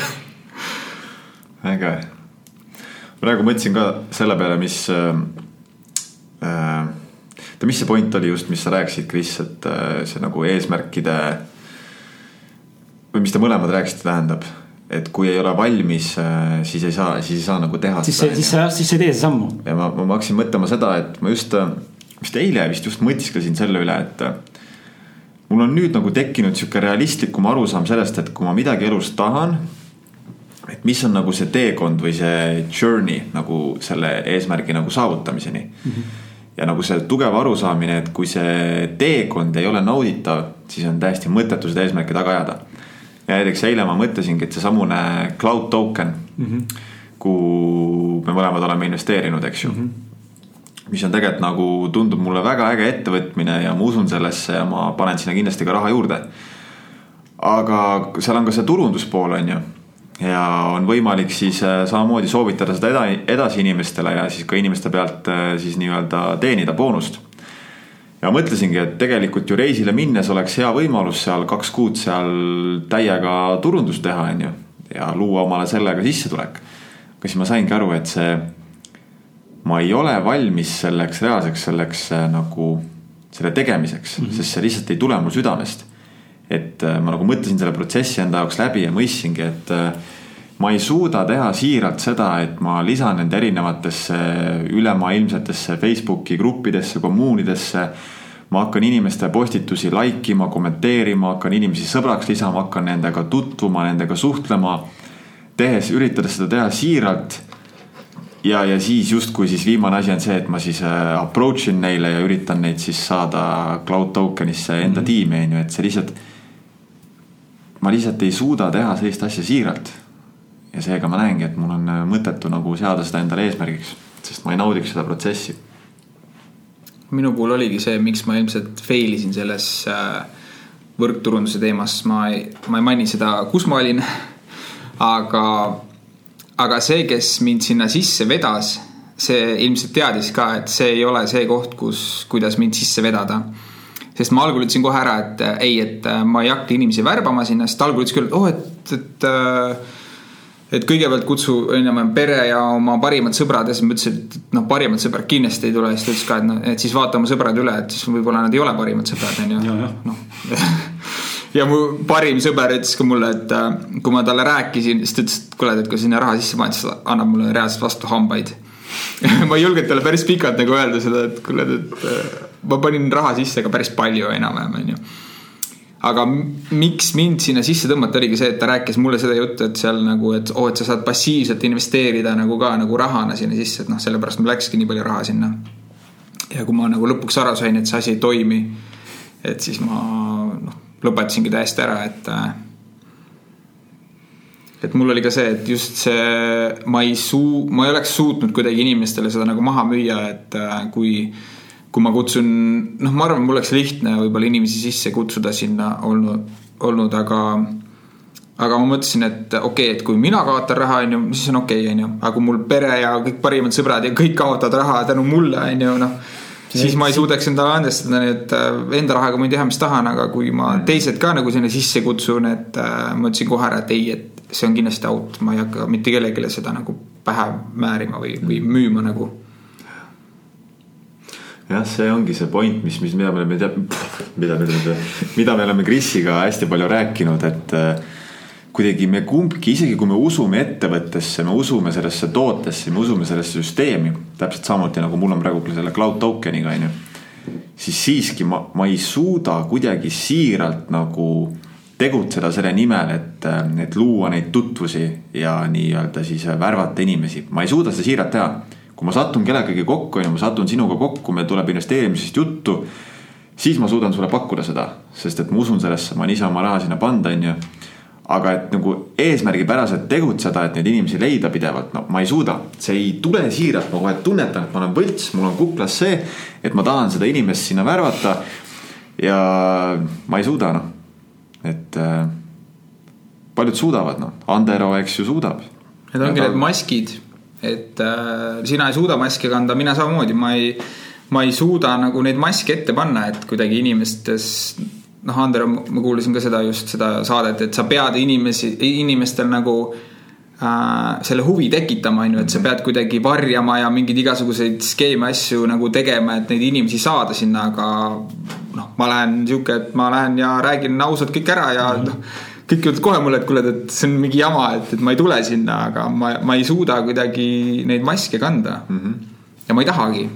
sama, ma tunnen ka, et mul nagu tuleb mingi mask ette kohe aga mulle tundub, et paljud need edukad võrkturundajad ongi need, kes teevadki seda tegelikult ilma maskideta. et nad päriselt ka usuvad nii väga seda toodet, seda firmat, nad fännavad seda nii väga.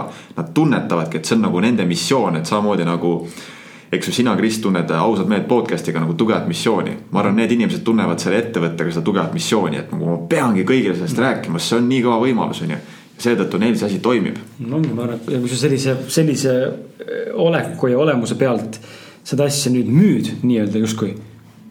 siis see klikib mm, -hmm. see klikibki, sest et sinust kajab vastu see, et täitsa putsis vend räägib nii entusiastlikult sellest mm. -hmm. ma tahan ka mm. -hmm. ja siin ongi see võti, ma arvan, aga see peabki tulema sinust, sa pead ise valmis olema selleks teha seda.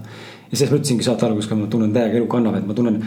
see sõna, sõna, sõna valmis ja ma tunnen, ma olen täna olen ma täiega valmis selleks, minust saaks ettevõtja. ma tunnen, täna kahekümne kaheksa aastaselt, ma olen valmis selleks ma olen täna siin, ausalt, meie podcast on kindlasti üks see kasvõi võib-olla esimene samm või platvorm millegi selle suunal, mis ma tegelikult tahan saavutada. vanasti, kui ma mõtlesin selle peale kümme aastat eelnevalt, et tule tahaks enda mingit asja, enda ettevõtte asja. ma ei olnud lihtsalt valmis selleks, isegi kui oleks mulle toonud töötava äri, ma oleks selle põhja lasknud, sest ma ei oleks olnud valmis selleks, ma arvan. isegi kui ma oleks saanud täpselt samad õpetused, nagu see vend tegi firmat juhtides. ma oleks selle ikka perse keeranud, ma arvan, sest ma ei olnud valmis selleks, on kõik. et selles mõttes väga huvitav, ma arvan, on see nagu hea tähelepanek endale ja teile ka kuulajad, et et ollagi just nagu märgata, et kas sa tegelikult oled valmis, aga see vajab ka iseendale väga palju ausust. mul on siin hea näide, hea näide võib-olla korraks kõrvale tuua, enne kui Maarja uue küsimuse küsime, et mul oli sõbraga üks Rootsi sõber, kes on väga pikaajaline sõber juba põhikoolist või tähendab keskkooli aeglasest aeg. elab Rootsis ja nüüd Eestis tulnud. ja siis jagas mulle Booster Selfie Sven ja Teedu firma kuulutust, et otsivad turundusjuhti. kirjutas mulle, kuule kandideeri, et raudselt saad. siis ma ütlesin talle, et esiteks Sven Teet, kui te kuulate, siis tšau, aga et esiteks tundes, tundes Sveni ja Teetu ja suheldes nendega ka telefonitsi nädalast nädalasse, siis kui nad oleks mind tahtnud sinna, siis nad oleks tulnud mulle seda pakkuma, mitte pannud avalikku, selle järelikult, miks nad teevad avalikult, on see põhjus, et väga suure tõenäosusega nende ümber ei ole inimesi, keda nad arvavad ise täna, et nad võiks olla paremad turundajad, kui nad ise on. järelikult otsitakse kedagi uut väljaspoolt, muidu oleks see pakkumine ammu läinud juba laualt. ja teiseks kui ma vaatan tööülesandeid, töökirjeldused, CV-kirjeldus, siis ma näen ja ma tänase enda teadlikkuse juures ja enda turunduskogemuse juures, mis on null, ma pole seda ise koolis õppinud, ma olen ju põhikooliharidusega ise kõike kompinud. ma ei saaks seda hakkama, ma ei suudaks välja mõelda mingit turundusstrateegia, mingit plaani ja, ja lubada talle kokku sinna, et kirjutan motivatsioonikirja, luban, et teen sulle kolm miljonit eurot aastas käivet, laieneme kahe aastaga Iirimaale, Inglismaale, USA-sse. tulen teen ära ja tegelikult ei tee, ma ei suuda valetada sest ma tean, et ma ei suuda te deliver ida seda. ja siin on see koht, ma ütlesin sõbrale ka, ma ei hakka valetama neile ega endale. ma olen endaga aus, ma ei saa hakkama sellega, see ei ole, siis ütles, aga sa vähendad ennast. ma ütlesin, ma ei vähenda ennast, ma olen realist see ei ole võimalik, mm. täna ei ole see reaalne. ja siin on, ma arvan, see ausus iseenda vastu hästi oluline, et sa tunneksid ära selle piiri, et kas ma tegelikult suudan sellega hakkama saada. või ma tõesti vähendan ja tegelikult saan hakkama või ma, või ma tegelikult ei suuda ja valetan endale või ma panen ennast uskuma, ma olen all achiever see on väga õhk, õhkõrn nagu piir. see on hästi oluline punkt tegelikult tõesti, ma olen tä täiesti nõus sinuga. väga palju on neid inimesi, kes just nagu vähendavad ennast, et tegelikult neil on nagu meeletu potentsiaal, meeletu teadmiste pagas meeletu kogemuste pagas, on ju, aga nad pidevalt vähendavad ennast ja ei võta vastu võimalusi, mis aitaks neil tegelikult oma potentsiaali realiseerida. ja siis on see teine äärmus on need, kes. Te sittagi ei tea lihtsalt väga. sittagi ei tea asjast, on nagu lauajalad, no sorry, lihtsalt piltlikustamiseks on hea nii, et öelda. ja, ja mõtlevad, et no ma ei tea, ma lähen teen kõik ära, on ju, ja noh. et jah, see on jälle see see tunnetamine, et kus, kus on hetkel minu, minu järgmine kasvukoht mm, -hmm. kus on minu väljakutsed, mis oleks mulle sobiv ja sobiv väljakutse. isegi kui ma üldse ausalt öeldes ma väga tahaksin teha seda tööd, ma ütlen mm -hmm. ausalt, see on, see on, mille ma unistan, tegin temaga tööd Instagramiga koos peaaegu aasta tagasi, mõned kuud. tegin neile Instagrami, Facebooki, ma väga tahaksin nendega koostööd teha, aga ma saan aru, see ei ole teha realistlik, see lihtsalt ei ole realistlik. aga iga asi tulebki tegelikult omal ajal ju. absoluutselt. mul just, kui ma lähen jälle natuke kõrvale võib-olla mingi nädal aega tagasi tuli ka selline, ma vaatasin filmi Matrix mm. -hmm. mis on tegelikult mingi kakskümmend aastat tagasi, mingi üheksakümmend üheksa, kuna see film tuli. siis, siis kui see tuli välja, see film jättis täiesti külmaks, mulle ei meeldi siuksed ulmefilmid, asjad. ja kui ma nüüd kaks nädalat tagasi äh, seda filmi vaatasin, ma olin nagu nii selles sisus sees ja ma mõtlesin, et et kus see film nagu varem oli mm. -hmm. ja ma, ma ei tea kuidagi, miks see film mulle tuli. see tuli nagu ma ei tea, kust ilmutas kakskümmend aastat vana film, mis kunagi üldse ei kõnetanud ja nüüd oli nagu see, et vau, et äh, tekitas siukse ulmeefekti nagu. see on nagu raamatutega, sa ei ole lihtsalt mõnikord valmis, mul on täna kodus Virnas, ma arvan, raamatu, mida ma olen tellinud selle pealt, et oh, tore ülikõva raamat. jõuab kohale ja nüüd mul on, seisab see pool aastat, ma pole, ma pole ühtegi lehte lahti võtnud, ta lihtsalt ei kõneta mind täna. Aga võib-olla ta ootab oma hetke. mul on see järjekord ka nii pikk, mul on raamaturiiul ikka väga suur. ja must ostsin ka siin oli äh, väga huvitav äh, üritus, oli see Ayahuasca teadlaste õhtu. ma ostsin ka paar raamatut äh, sealt ja ma läksin koju, mõtlesin, ma hakkan lugema ja ma ei tea, ma ei suutnud kuidagi lugeda mm, -hmm. aga ma teadsin, ma panen selle kõrvale ja tuleb päev mm, -hmm. kui ma olen valmis nende jaoks. nii ongi. Kusjuures Ayahuascast rääkides ma tahtsingi sult, mul oli enne see küsimus peas, ma vahepeal unustasin ära, hea, et sa meelde tõid jälle. et oled sa, oled sa teinud Ayahuascat mm,? jah, mul õnnestus üks äh, tseremoonia läbi teha mm. -hmm. Eestis või oli see Peruus või kus? see oli Peruus. ma läksin sinna, noh, Peruu oli mu ju hästi suur unistus juba viimased viis aastat, sellepärast ma läksin ka Lõuna-Ameerikasse. ja noh, kuna otse Peruusse on väga kallis minna, siis ma läksingi algul Argentiinasse sealt mööda maad jõudsin Peruuni lõpuks aga see Ayahuasca oli ka, ma arvan, et kui ma oleks varem teinud seda, siis see ei oleks minu jaoks olnud äh, õige asi, et see. ma, ma läksin sinna ja ma tundsin, et ma olen täielikult valmis. noh, ma sain seal äh, džunglis privaatsessiooni selle šamaaniga tegime. et see. üksi, mitte ei olnud äh, grupp inimesi? ma olin täiesti üksi ja ma sain wow me olime kahekesi, jõime seda okay. algul oligi nagu suht äh, creepy, et äh, me olime seal ta onnis ja siis ta andis mulle selle topsi. ja siis ma pidin nagu noh, endal neid küsimusi küsima, et mida ma nagu tahan mm näha või saada või neid küsimusi. Ja siis ta võttis ise ka selle topsi nagu mm, -hmm. siis ma mõtlesin, okei okay,, et, et sa pead olema see inimene, kes mind nagu valvab, mitte et sa ise tripid ka minema kuhugi onju aga noh, pärast ma sain teada, et nad, need šamaanid samamoodi, nad peavadki, sest nendele see mõjub nagu hoopis teistmoodi ja. kui sulle endale, et äh, noh, mina olin see neli tundi, mis see toimis, olin täiesti, ma ei saanud ennast liigutada, ma olin seal kuidagi halvatud onju. noh, füüsiliselt mm. -hmm aga tema nagu ta mingi laulis mulle siukest laule ja käis vahepeal ja puus seda mingit suitsu peale ja mingi. mingite kõristite asjadega ja. kõristitega ta ei teinud ta käis jah mingi, noh, ma ei oska seletadagi, mis tal kõik olid seal, et see tundus kuidagi väga, väga kuidagi ulme.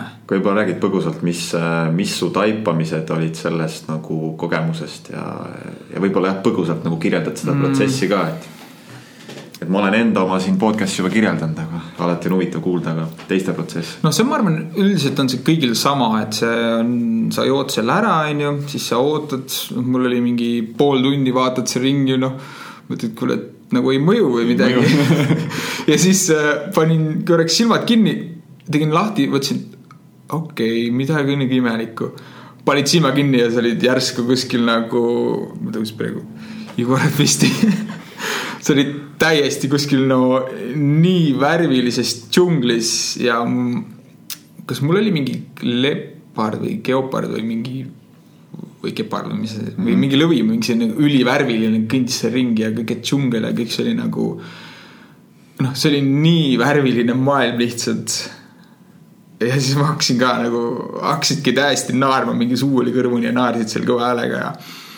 ja siis see kadus kuidagi äh,, tuli nagu mingi must, mingi sihuke noh, läkski mustaks ja siis tekkis sihuke kurbus peale, siis ma hakkasin nagu täiega nutma seal, sest seal hoiatati ka, et öeldi, et võta rull WC-paberit kaasa, et sa, seda läheb sul kindlasti vaja, onju. et mõni seal nutab mitu WC-paberit selle sessiooniga ära aga oligi, siis ma kuidagi nutsin seal natuke aega ja siis, ja siis ma rändasin äh, lapsepõlve. Mis oli, noh, siiamaani see on mul nii selgelt meeles, ma olin mingi, äkki mingi nelja-viieaastane, noh suht, ma ei mäleta täpselt, kui vana ma olin mm, -hmm. aga ma nägin mingeid asju enda elust, kus ma olin seal äh, vanemate juures ja mingi, mängisime kuskil mingis noh, kohtades ja läbi enda silmade või kolmanda isikuna? kõrvalt nagu selles mõttes nägid ennast või? mm, või sa ikkagi elasid läbi seda?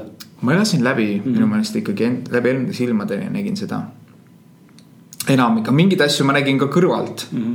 et kui, kui mind nagu, kui mina olin parasjagu kuskil mujal mängimas, siis ma nägin, mis kõrval nagu toimus mm. -hmm. ja, ja ma nägin ühte päeva, kus oli äh, väga tähtis hetk meie pere jaoks.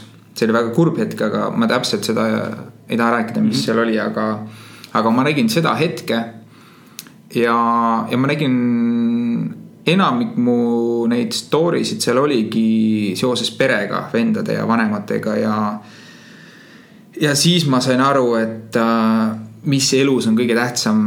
et kui ma küsisin hoopis mingeid teisi küsimusi, siis ma nägin ainult enda pere ja ma mingi noh, põhimõtteliselt ma olin terve see aja mingi pisarates, mingi nutsin ja mingi elasin oma vendade ja vanemate mingeid kurbust läbi aga lõppkokkuvõttes ma sain aru, et tegelikult on äh, pere nagu ülitähtis. et äh, noh, peres ei saa lihtsalt, et äh, sõpru sa vahetad välja, on ju, parajal hetkel, kui sa tunned, et et nüüd on nagu aeg edasi liikuda, kui sõbrad ei tule kaasa, aga pere sa ei vaheta välja. et see oli minu jaoks väga tähtis, et et kui mul ka olen noh, isa peale natuke nagu nagu kuidagi vihane olnud või, või nagu ei ole nagu väga hästi läbi saanud. ta on nagu väga hea isa olnud mul, aga lihtsalt meie nagu maailmad on kuidagi nagu erinevad, aga siis ma mõtlesin ka, et no. et äh, ma pean kõik nagu andestama, sest ma tean nagu noh, tal ei olnud ka nagu kerge, on ju, aga ta andis endast parima.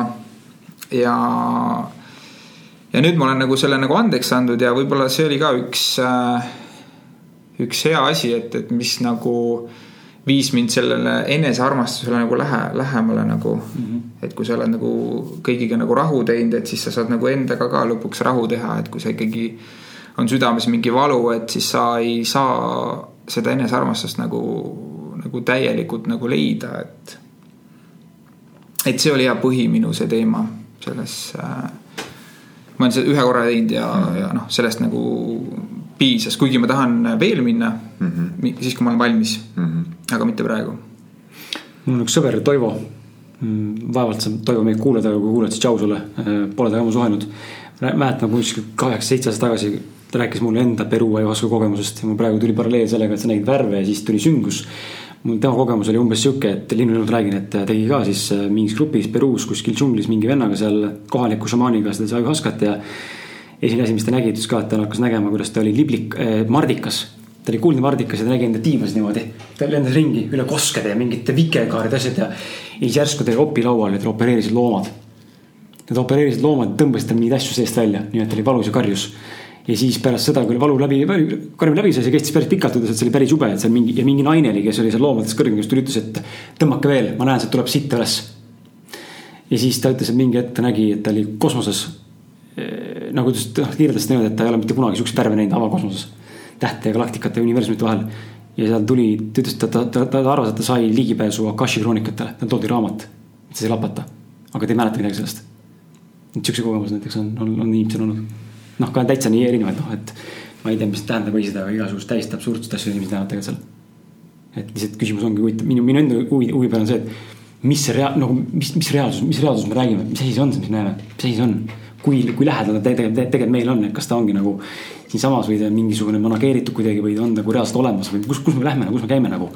et see on nagu hästi põnev pool, aga no seda ei saagi keegi selgitada tänase nii inimese teadlikkuse juures. aga tegelikult ma natuke nagu hoiataks ka selle eest, et see, et ma arvan, et igaüks ei peaks seda tegema.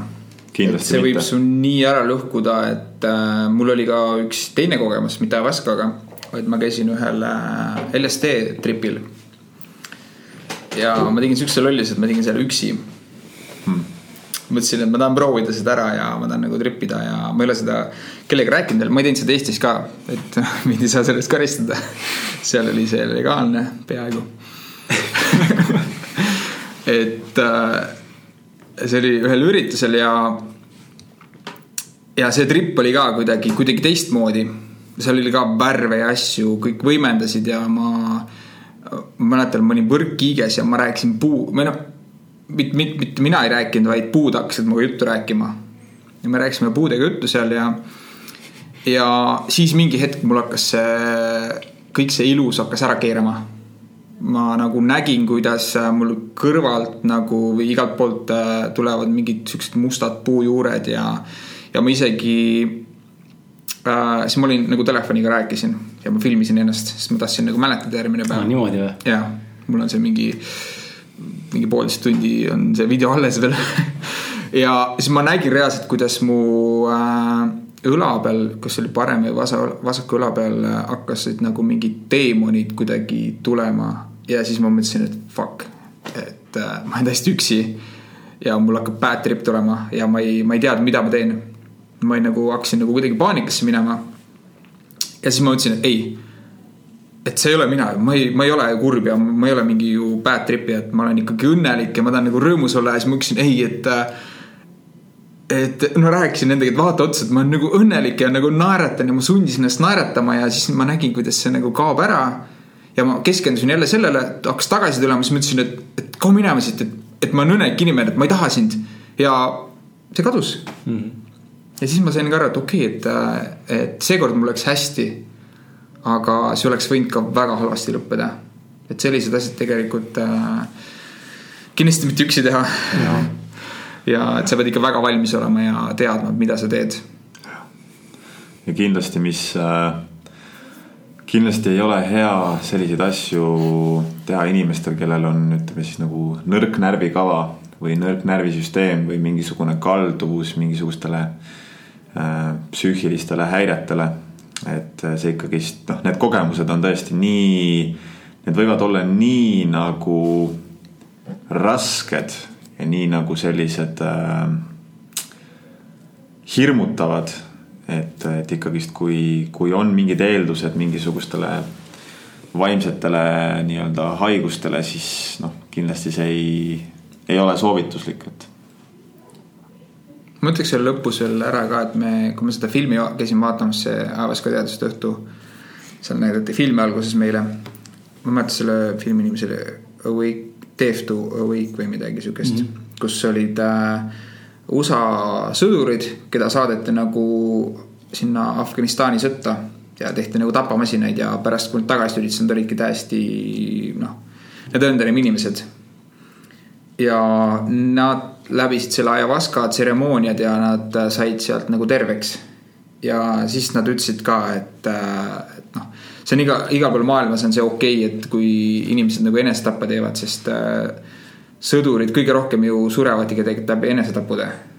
et sõjas ei sure nagu nii palju inimesi, kui pärast nagu enesetappe teevad. et see on okei okay,, kui inimesed enesetapu teevad, aga see, kui nad lähevad selliseid äh, alternatiiv nagu ravisid otsima, mis nagu reaalselt toimivad, et need asjad on keelatud, et sa saad kohe nagu kriminaaliks, et, et see oli nagu väga hea sõnum seal mm. -hmm. et see võib ka nagu aidata, kui sa oled nagu õiges kohas või teed seda õigete nagu inimestega, et kes sind nagu oskavad aidata. mm.. kas sul on mingisugused äh, endal välja kujunenud mingeid rituaale või harjumusi ka, mis igapäevaselt teed, mis hoiavad sind äh, lainel, et sa suudaksid liikuda endas tempos ja enda eesmärkidele igapäevaselt lähemale? ei ole päris selliseid asju, noh, ma tahaksin küll igasuguseid joogasid ja mingeid asju nagu, aga. aga ma tean, et ma nagu ei, ei suuda või ma olen üritanud nagu mediteerida nüüd. et ma igapäevaselt ei suuda veel, aga ma nagu lähenen sellele mm. -hmm. ja ma hakkasin jaanuari lõpust enne reisile minekut, ma läksin veebruaris sinna reisile. ja jaanuaris hakkasin päevikuid pidama, et seda ma pean äh, mitte iga päev, aga ma üritan ikkagi nii tihti kui võimalik kirjutada. et see aitab nagu väga hästi mõtteid korrastada. ja päevik on mulle ka väga-väga palju andnud juurde elus. Ehm, ma vaatan siin, siin on meil meil on kolm sihukest normaalset, tähendab kaks sihukest normaalset küsimust ja siis on kolm kuulaja küsimust, millest üks on vastatud ja siis on kolm ebaolulist küsimust, mis annavad saatele konteksti juurde. sihuke ülevaade ja ma küsin su käest, et äh, milline on olnud äh, võib-olla kõige sinu raskem hetk reisides? ja ma ei defineeri rasket, olgu see sinu defineeritavaks, kas siis füüsiliselt või siis vaimselt või, või kuidas iganes sa tahad seda defineerida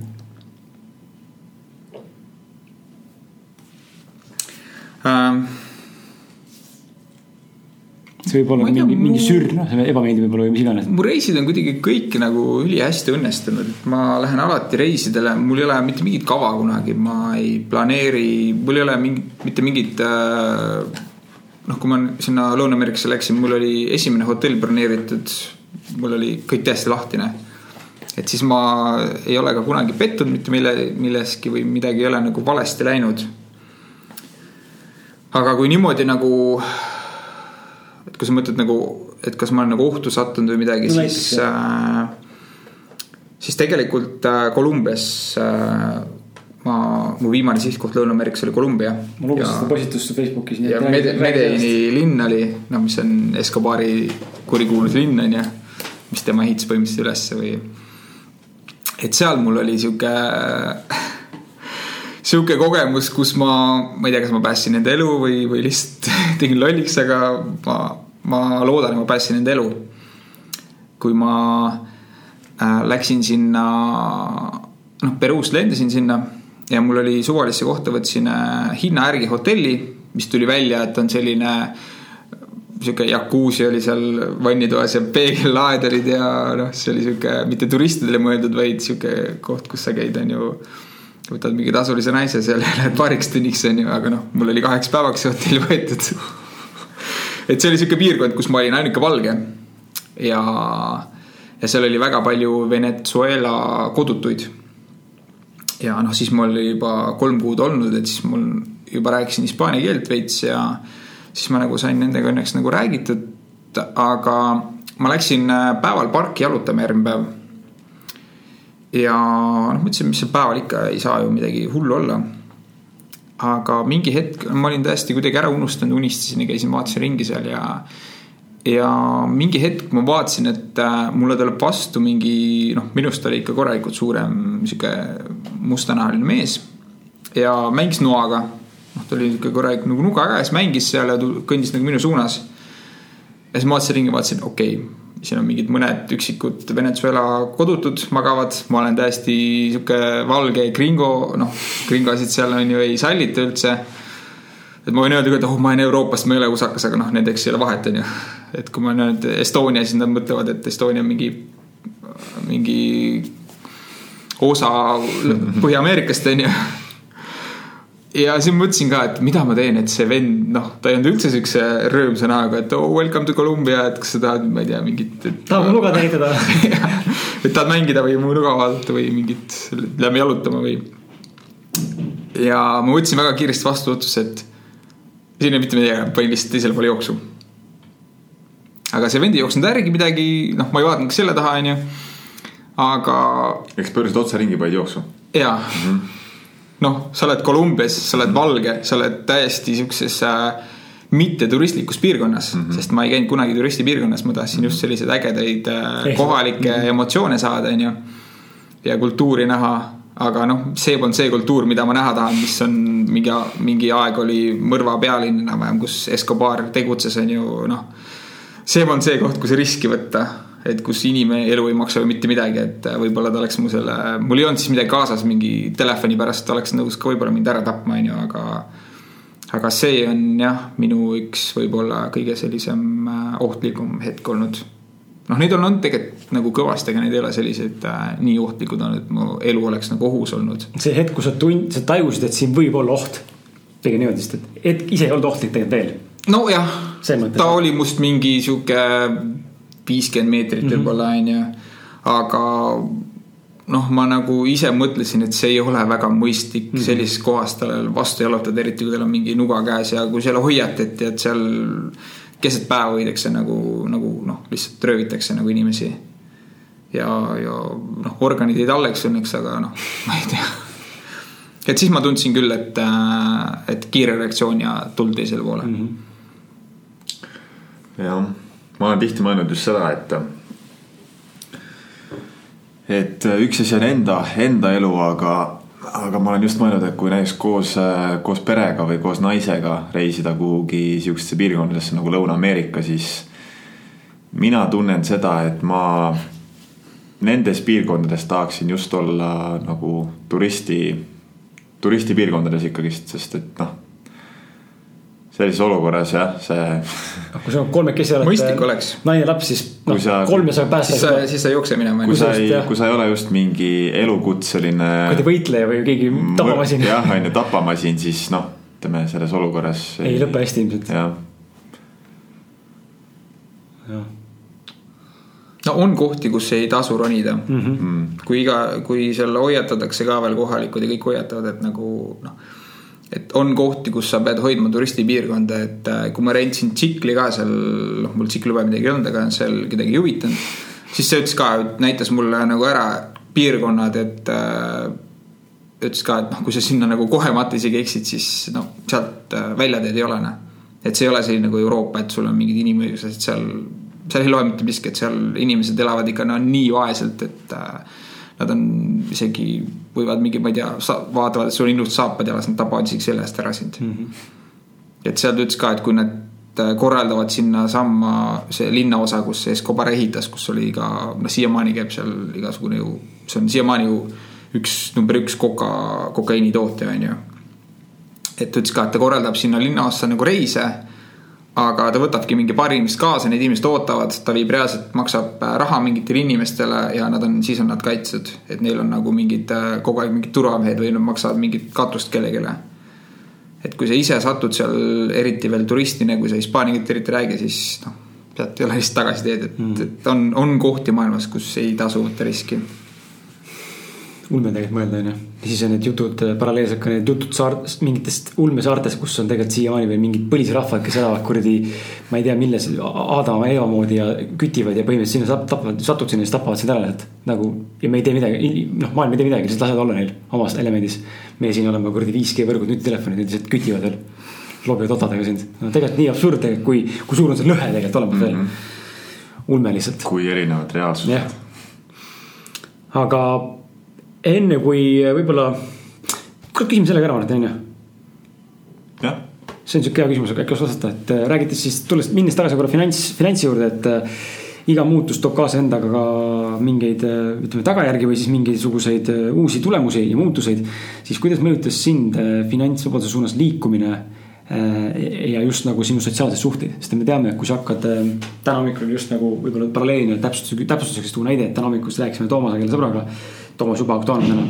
et aga, et rääkisime just sellest, et kui sa teedki mingi muutuse päevapealt näiteks või, või mis iganes enda elus, siis, siis tuleb väga palju hukkamõistu, tuleb väga palju vastuhoiakut, äh, sihukest nagu teistsugust lähenemist ja mitte arusaamist, mitte mõistmist, on ju.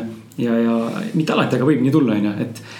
ja see nagu eeldab seda, et sa pead siis läbi sundima ennast minema sellest, et näidata inimestele, et it's all fine. minu valik on tegelikult okei okay,, te ei pea kartma või te ei pea hukka mõistma, et ma teen oma tee ja, ja, ja just selles valdkonnas, et sa lõpetad, ma ei tea, ma eeldan, et sa ei vaata väga palju telekat, sa ei kuula võib-olla raadiot, sa ei loe võib-olla lehti, eks ole, on ju. et, et kui palju see sihukesesse investeerimismaailmasse või enesearendusmaailmasse on mõjutanud sotsiaalseid suhteid üldse, kas on inimesed ära kadunud või, või hakanud teistmoodi sind vaatama, et uu, sa nüüd umbes investeerid siin või, või ma ei tea noh no see on küll õige see, et mul telekas on näiteks täiesti null ja noh, ma ütlesin enne ka juba, et raadiot ma ka ei kuula. nüüd ma Äh, kui ma USA-sse läksin, siis ma teadlikult loobusin ka igasugustest äh, uudiste lugemistest. siiamaani ma ei loe, noh mõni küll jagab Facebookis vahepeal mingeid asju, siis sa nagu näed enam-vähem, aga ma teadlikult olen hoidnud endale e ennast eemal sealt. ja see elu on kohe palju parem, kui seda jama ei tule nagu mm. -hmm. aga kui ma sinna nagu investeerimismaailma sinna läksin ja, ja siis oli ka see, kui seal investeerimisklubis öeldi ka, et nagu, et, äh, et ela alla oma võimaluste siis ma praegu elan nagu väga alla oma võimaluste. aga mulle meeldib see, ma sõidan ringi vana transportide bussiga, on ju, mis on sama vana kui ma ise peaaegu. aga sellega on nagu nii äge sõita. ja noh, riided ma ostan ka üliharva, aga ma olen ka selline, et ma ostan pigem nagu kvaliteetriideid mm. -hmm. ja ostan vähe ja kvaliteetseid asju ja. kestavad ka siis? jaa ja just see keskkonna see ka, et ma ei tea, sa tellid mingi Aliekspressist kogu aeg mingit igast jama, no mis sul paar päeva enam-vähem on seljas, siis lähevad katki ja. et pigem osta nagu ja panustada nagu sellele keskkonnale ja kvaliteedile. ja hetkel äh, ma eelmine kuu tegin just äh, natuke arvestuse, et äh, mulle kuskil seitsekümmend, kaheksakümmend protsenti palgast äh, hetkel ma panen kõrvale. ehk siis noh, elan nagu nii alla oma võimaluste. Aga samas ma valmistun ka praegu krahhiks, et noh, see on teada, et kõik asjad, kõik mhm. märgid nagu näitavad, et see tuleb nagu iga kell on tulemas, et siis ma ma üritan alati hoida sellise, ma kutsun seda ülemuse pikalt saatmise fondiks, on ju, et et mul on vähemalt noh, kui midagi juhtub tööga, on ju. noh, ma tavaliselt olen ise tekitanud seda iga aasta lõpp, et nüüd ma ütlen töökoha üles, mul on suva, ma saan enda rahadega nagu vähemalt aasta aega hakkama, on ju. et äh, ja, ja see ka, et ma olen äh, üritanud ennast ümbritseda selliste inimestega, kes mõtlevad nagu sarnaselt mm. -hmm. sest kui su ümber on ikkagi needsamad inimesed, kes mõtlevad nagu teistmoodi, kes ongi äh, elavad sihuke palgapäevast palgapäevani ja noh, kui, kui hästi läheb, on ju. mõnel on sihuke kuu keskel on, nad saavad üli, ülihästi palka, on ju, aga neil on majaliisingut, äh, ma ei tea, igasugused uhked autod, värgid, äh, ma ei tea, Netflixid, kõik siuksed asjad, on ju, mis vajavad maksmist et nad kulutavad. kas nagu... tõsiselt on asi nii hull või, sest ma ei, ma ei sihukeste inimestega ei ole üldse kokku puutunud, kes, kes on nagu kõrgepalgalised ja kuu keskel. väga, väga palju on inimesi selliseid. inimestel läheb põhimõtteliselt isegi päev pärast palka et üle oma võimaluste elamine praegusel hetkel on, äh, on üli nagu selline tavaline. isegi Tallinnasse mine vaata ringi, siin on nagu nii no, palju luksusautosid, asju. Et noh, ma arvan, et pooled inimesed on sellised, mitte pooled, aga noh, mingi kolmkümmend protsenti on kindlasti elavad kuskil Lasnamäe korteris ema juures ja sul on mingi Maserati on hoovis on ju. ei, Lasnamäel kusjuures ongi, kuna, kuna mu tüdruk Anja, eks ju, tema vanemad elavad Lasnamäel ja ma olen seal rohkem viibinud viimase, ma ei tea, aasta jooksul, siis ongi see, et käid ringi, vaatad Lasnamäe paneelmajad ja Porsched, uued Mersud, uued BEM-id. aga see ongi selline väljanäitamine. Et äh, kui ma olen ka praegu üle kümne aasta Soomes elanud, siis äh, Soomes, kes on väga rikkad inimesed, kus ma, kui ma rentisin nagu, nagu maja eelmise nagu noh, olin rentnik siis äh, oli ka vanainimesed, ta ütles, et ta sõitis sellesama mingi vana, mingi üheksakümnendate Volvoga ringi.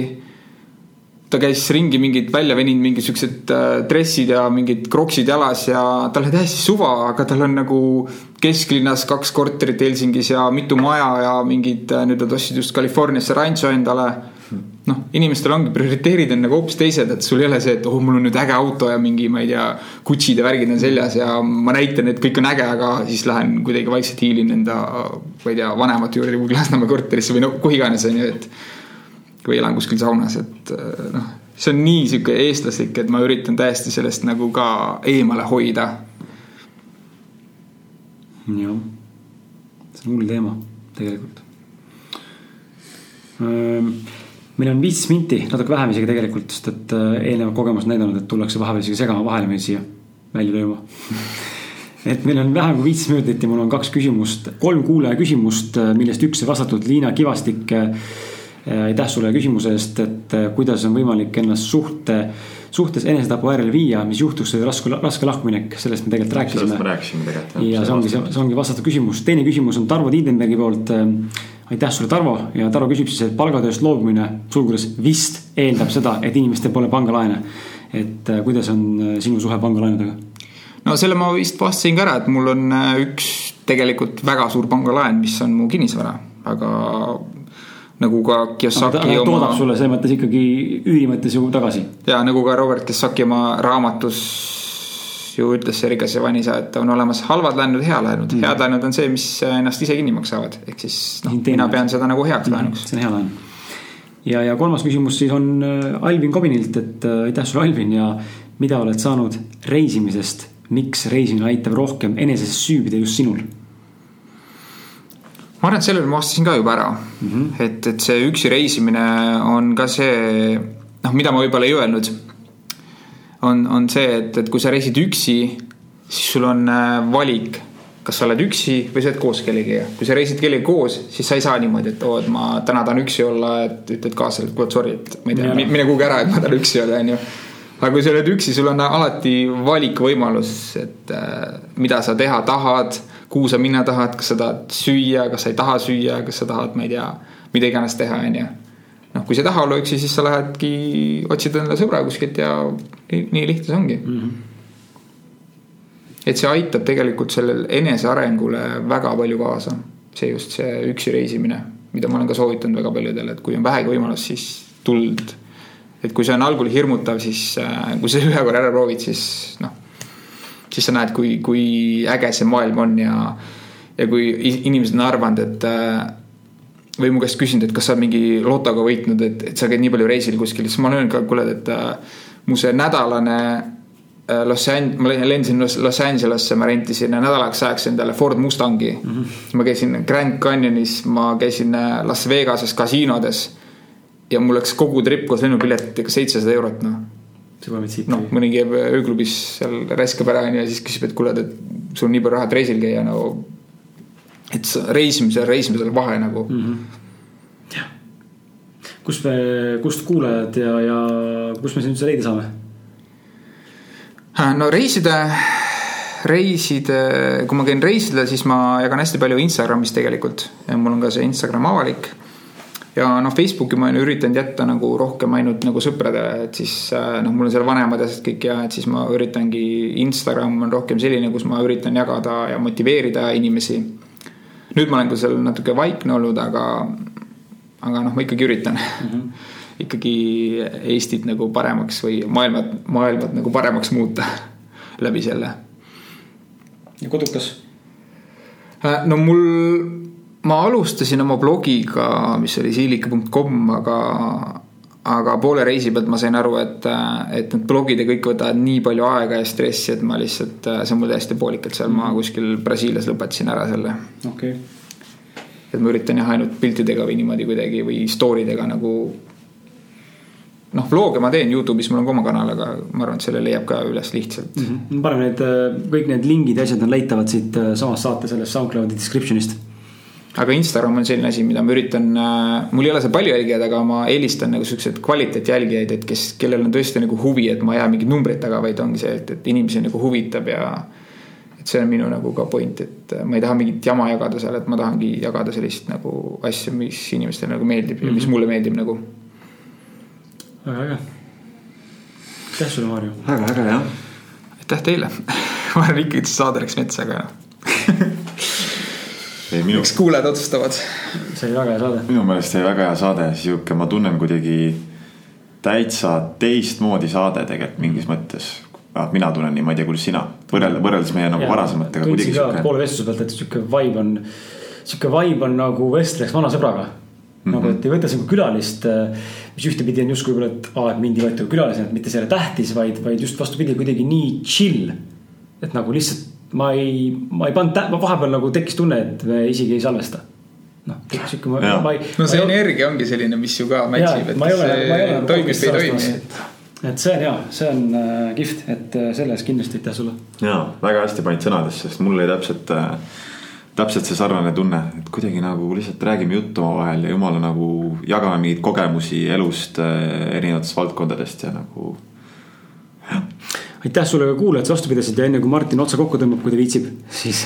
ma tahaks ma... viimase kiire tähelepaneku. anna minna et äh, ma tegelikult tahtsin juba eelmine aasta novembris, kui ma hästi palju kuulasin podcast'i, siis mul oli ka see, et ma mõtlesin, et ma tahaks täiega kuskile podcast'i rääkima minna ja siis ma nagu nii hullult soovisin seda. ja kui ma nüüd maikuus tulin tagasi, siis tuli kohe kutse. ma käisin äh, ühes podcast'is rääkimas, siis tuli kohe järgmine kutse, siis tuli kohe kolmas kutse ja siis ma lasin ka sõbral nagu sulle kirjutada onju mm -hmm., mõtlesin, oh ma tahaks täiega nagu ausalt meelt nagu podcast'i tulla rääkima.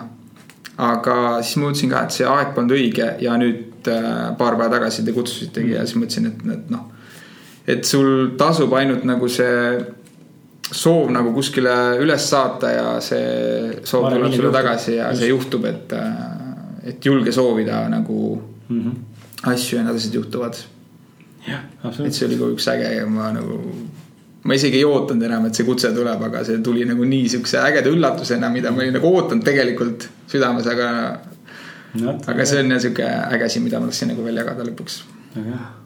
kas äh, Kris kutsus sind ka või oli see, kus ma helistasin sulle Messengeris?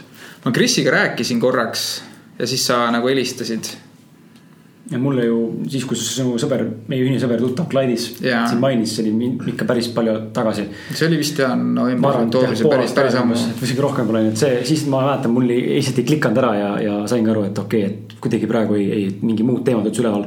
aga praegu ma tunnen, et see aeg ei olnud ka õige siis. Ma, mul oleks nagu sellist infot nagu anda mm. -hmm. edasi, mis mul praegu nagu oli. vot. aga väga tore. ja see, mis ma tahtsin öelda, enne kui äh, saate kokku paneme, siis kakskümmend seitse november, pange see kuupäev endale kirja, armsad kuulajad, kakskümmend seitse november on tulemas ausad mehed podcast'i live podcast number kaks, hashtag kaks pool kaks, nimeta kuidas tahad.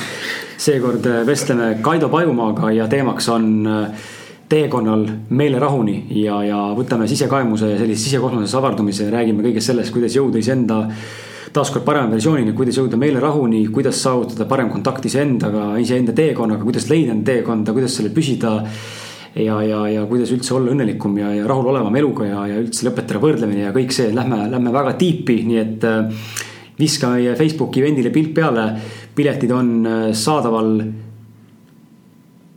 jah, ma nüüd tahtsin öelda mingi ajani parema hinnaga, ma ei tea, mis ajal meil see saade välja tuleb, aga vaata järgi, nad peaks olema saadaval seal kas kahekümne või kahekümne viie euroga, sõltuvalt sellest, mis ajal meil täna see saade ilmub, et sorry, meil on siin ette salvestamine. Aga kindlasti äh, võtke osa, eelmine live oli meil peaaegu full house, suur aitäh teile ja ma loodan, et ma loodan, et olete ka seekord kohal, sest et Kaido on äärmiselt äh, põnev inimene. tõepoolest ja kuula, kuula, kui sa ei tea, kes on Kaido ja sul ei ole aimu, kas sa tahad tulla või ei taha tulla, siis kuula meie saadet Kaidoga, et see annab väga hästi ette, mis energiaga, mis vibe'iga on Kaido ja millest ta räägib. Nii et äh, aitäh, et te meid kuulasite. Jaga seda saadet ka sõbraga. Ja olge mõnusad, tšau. Tšau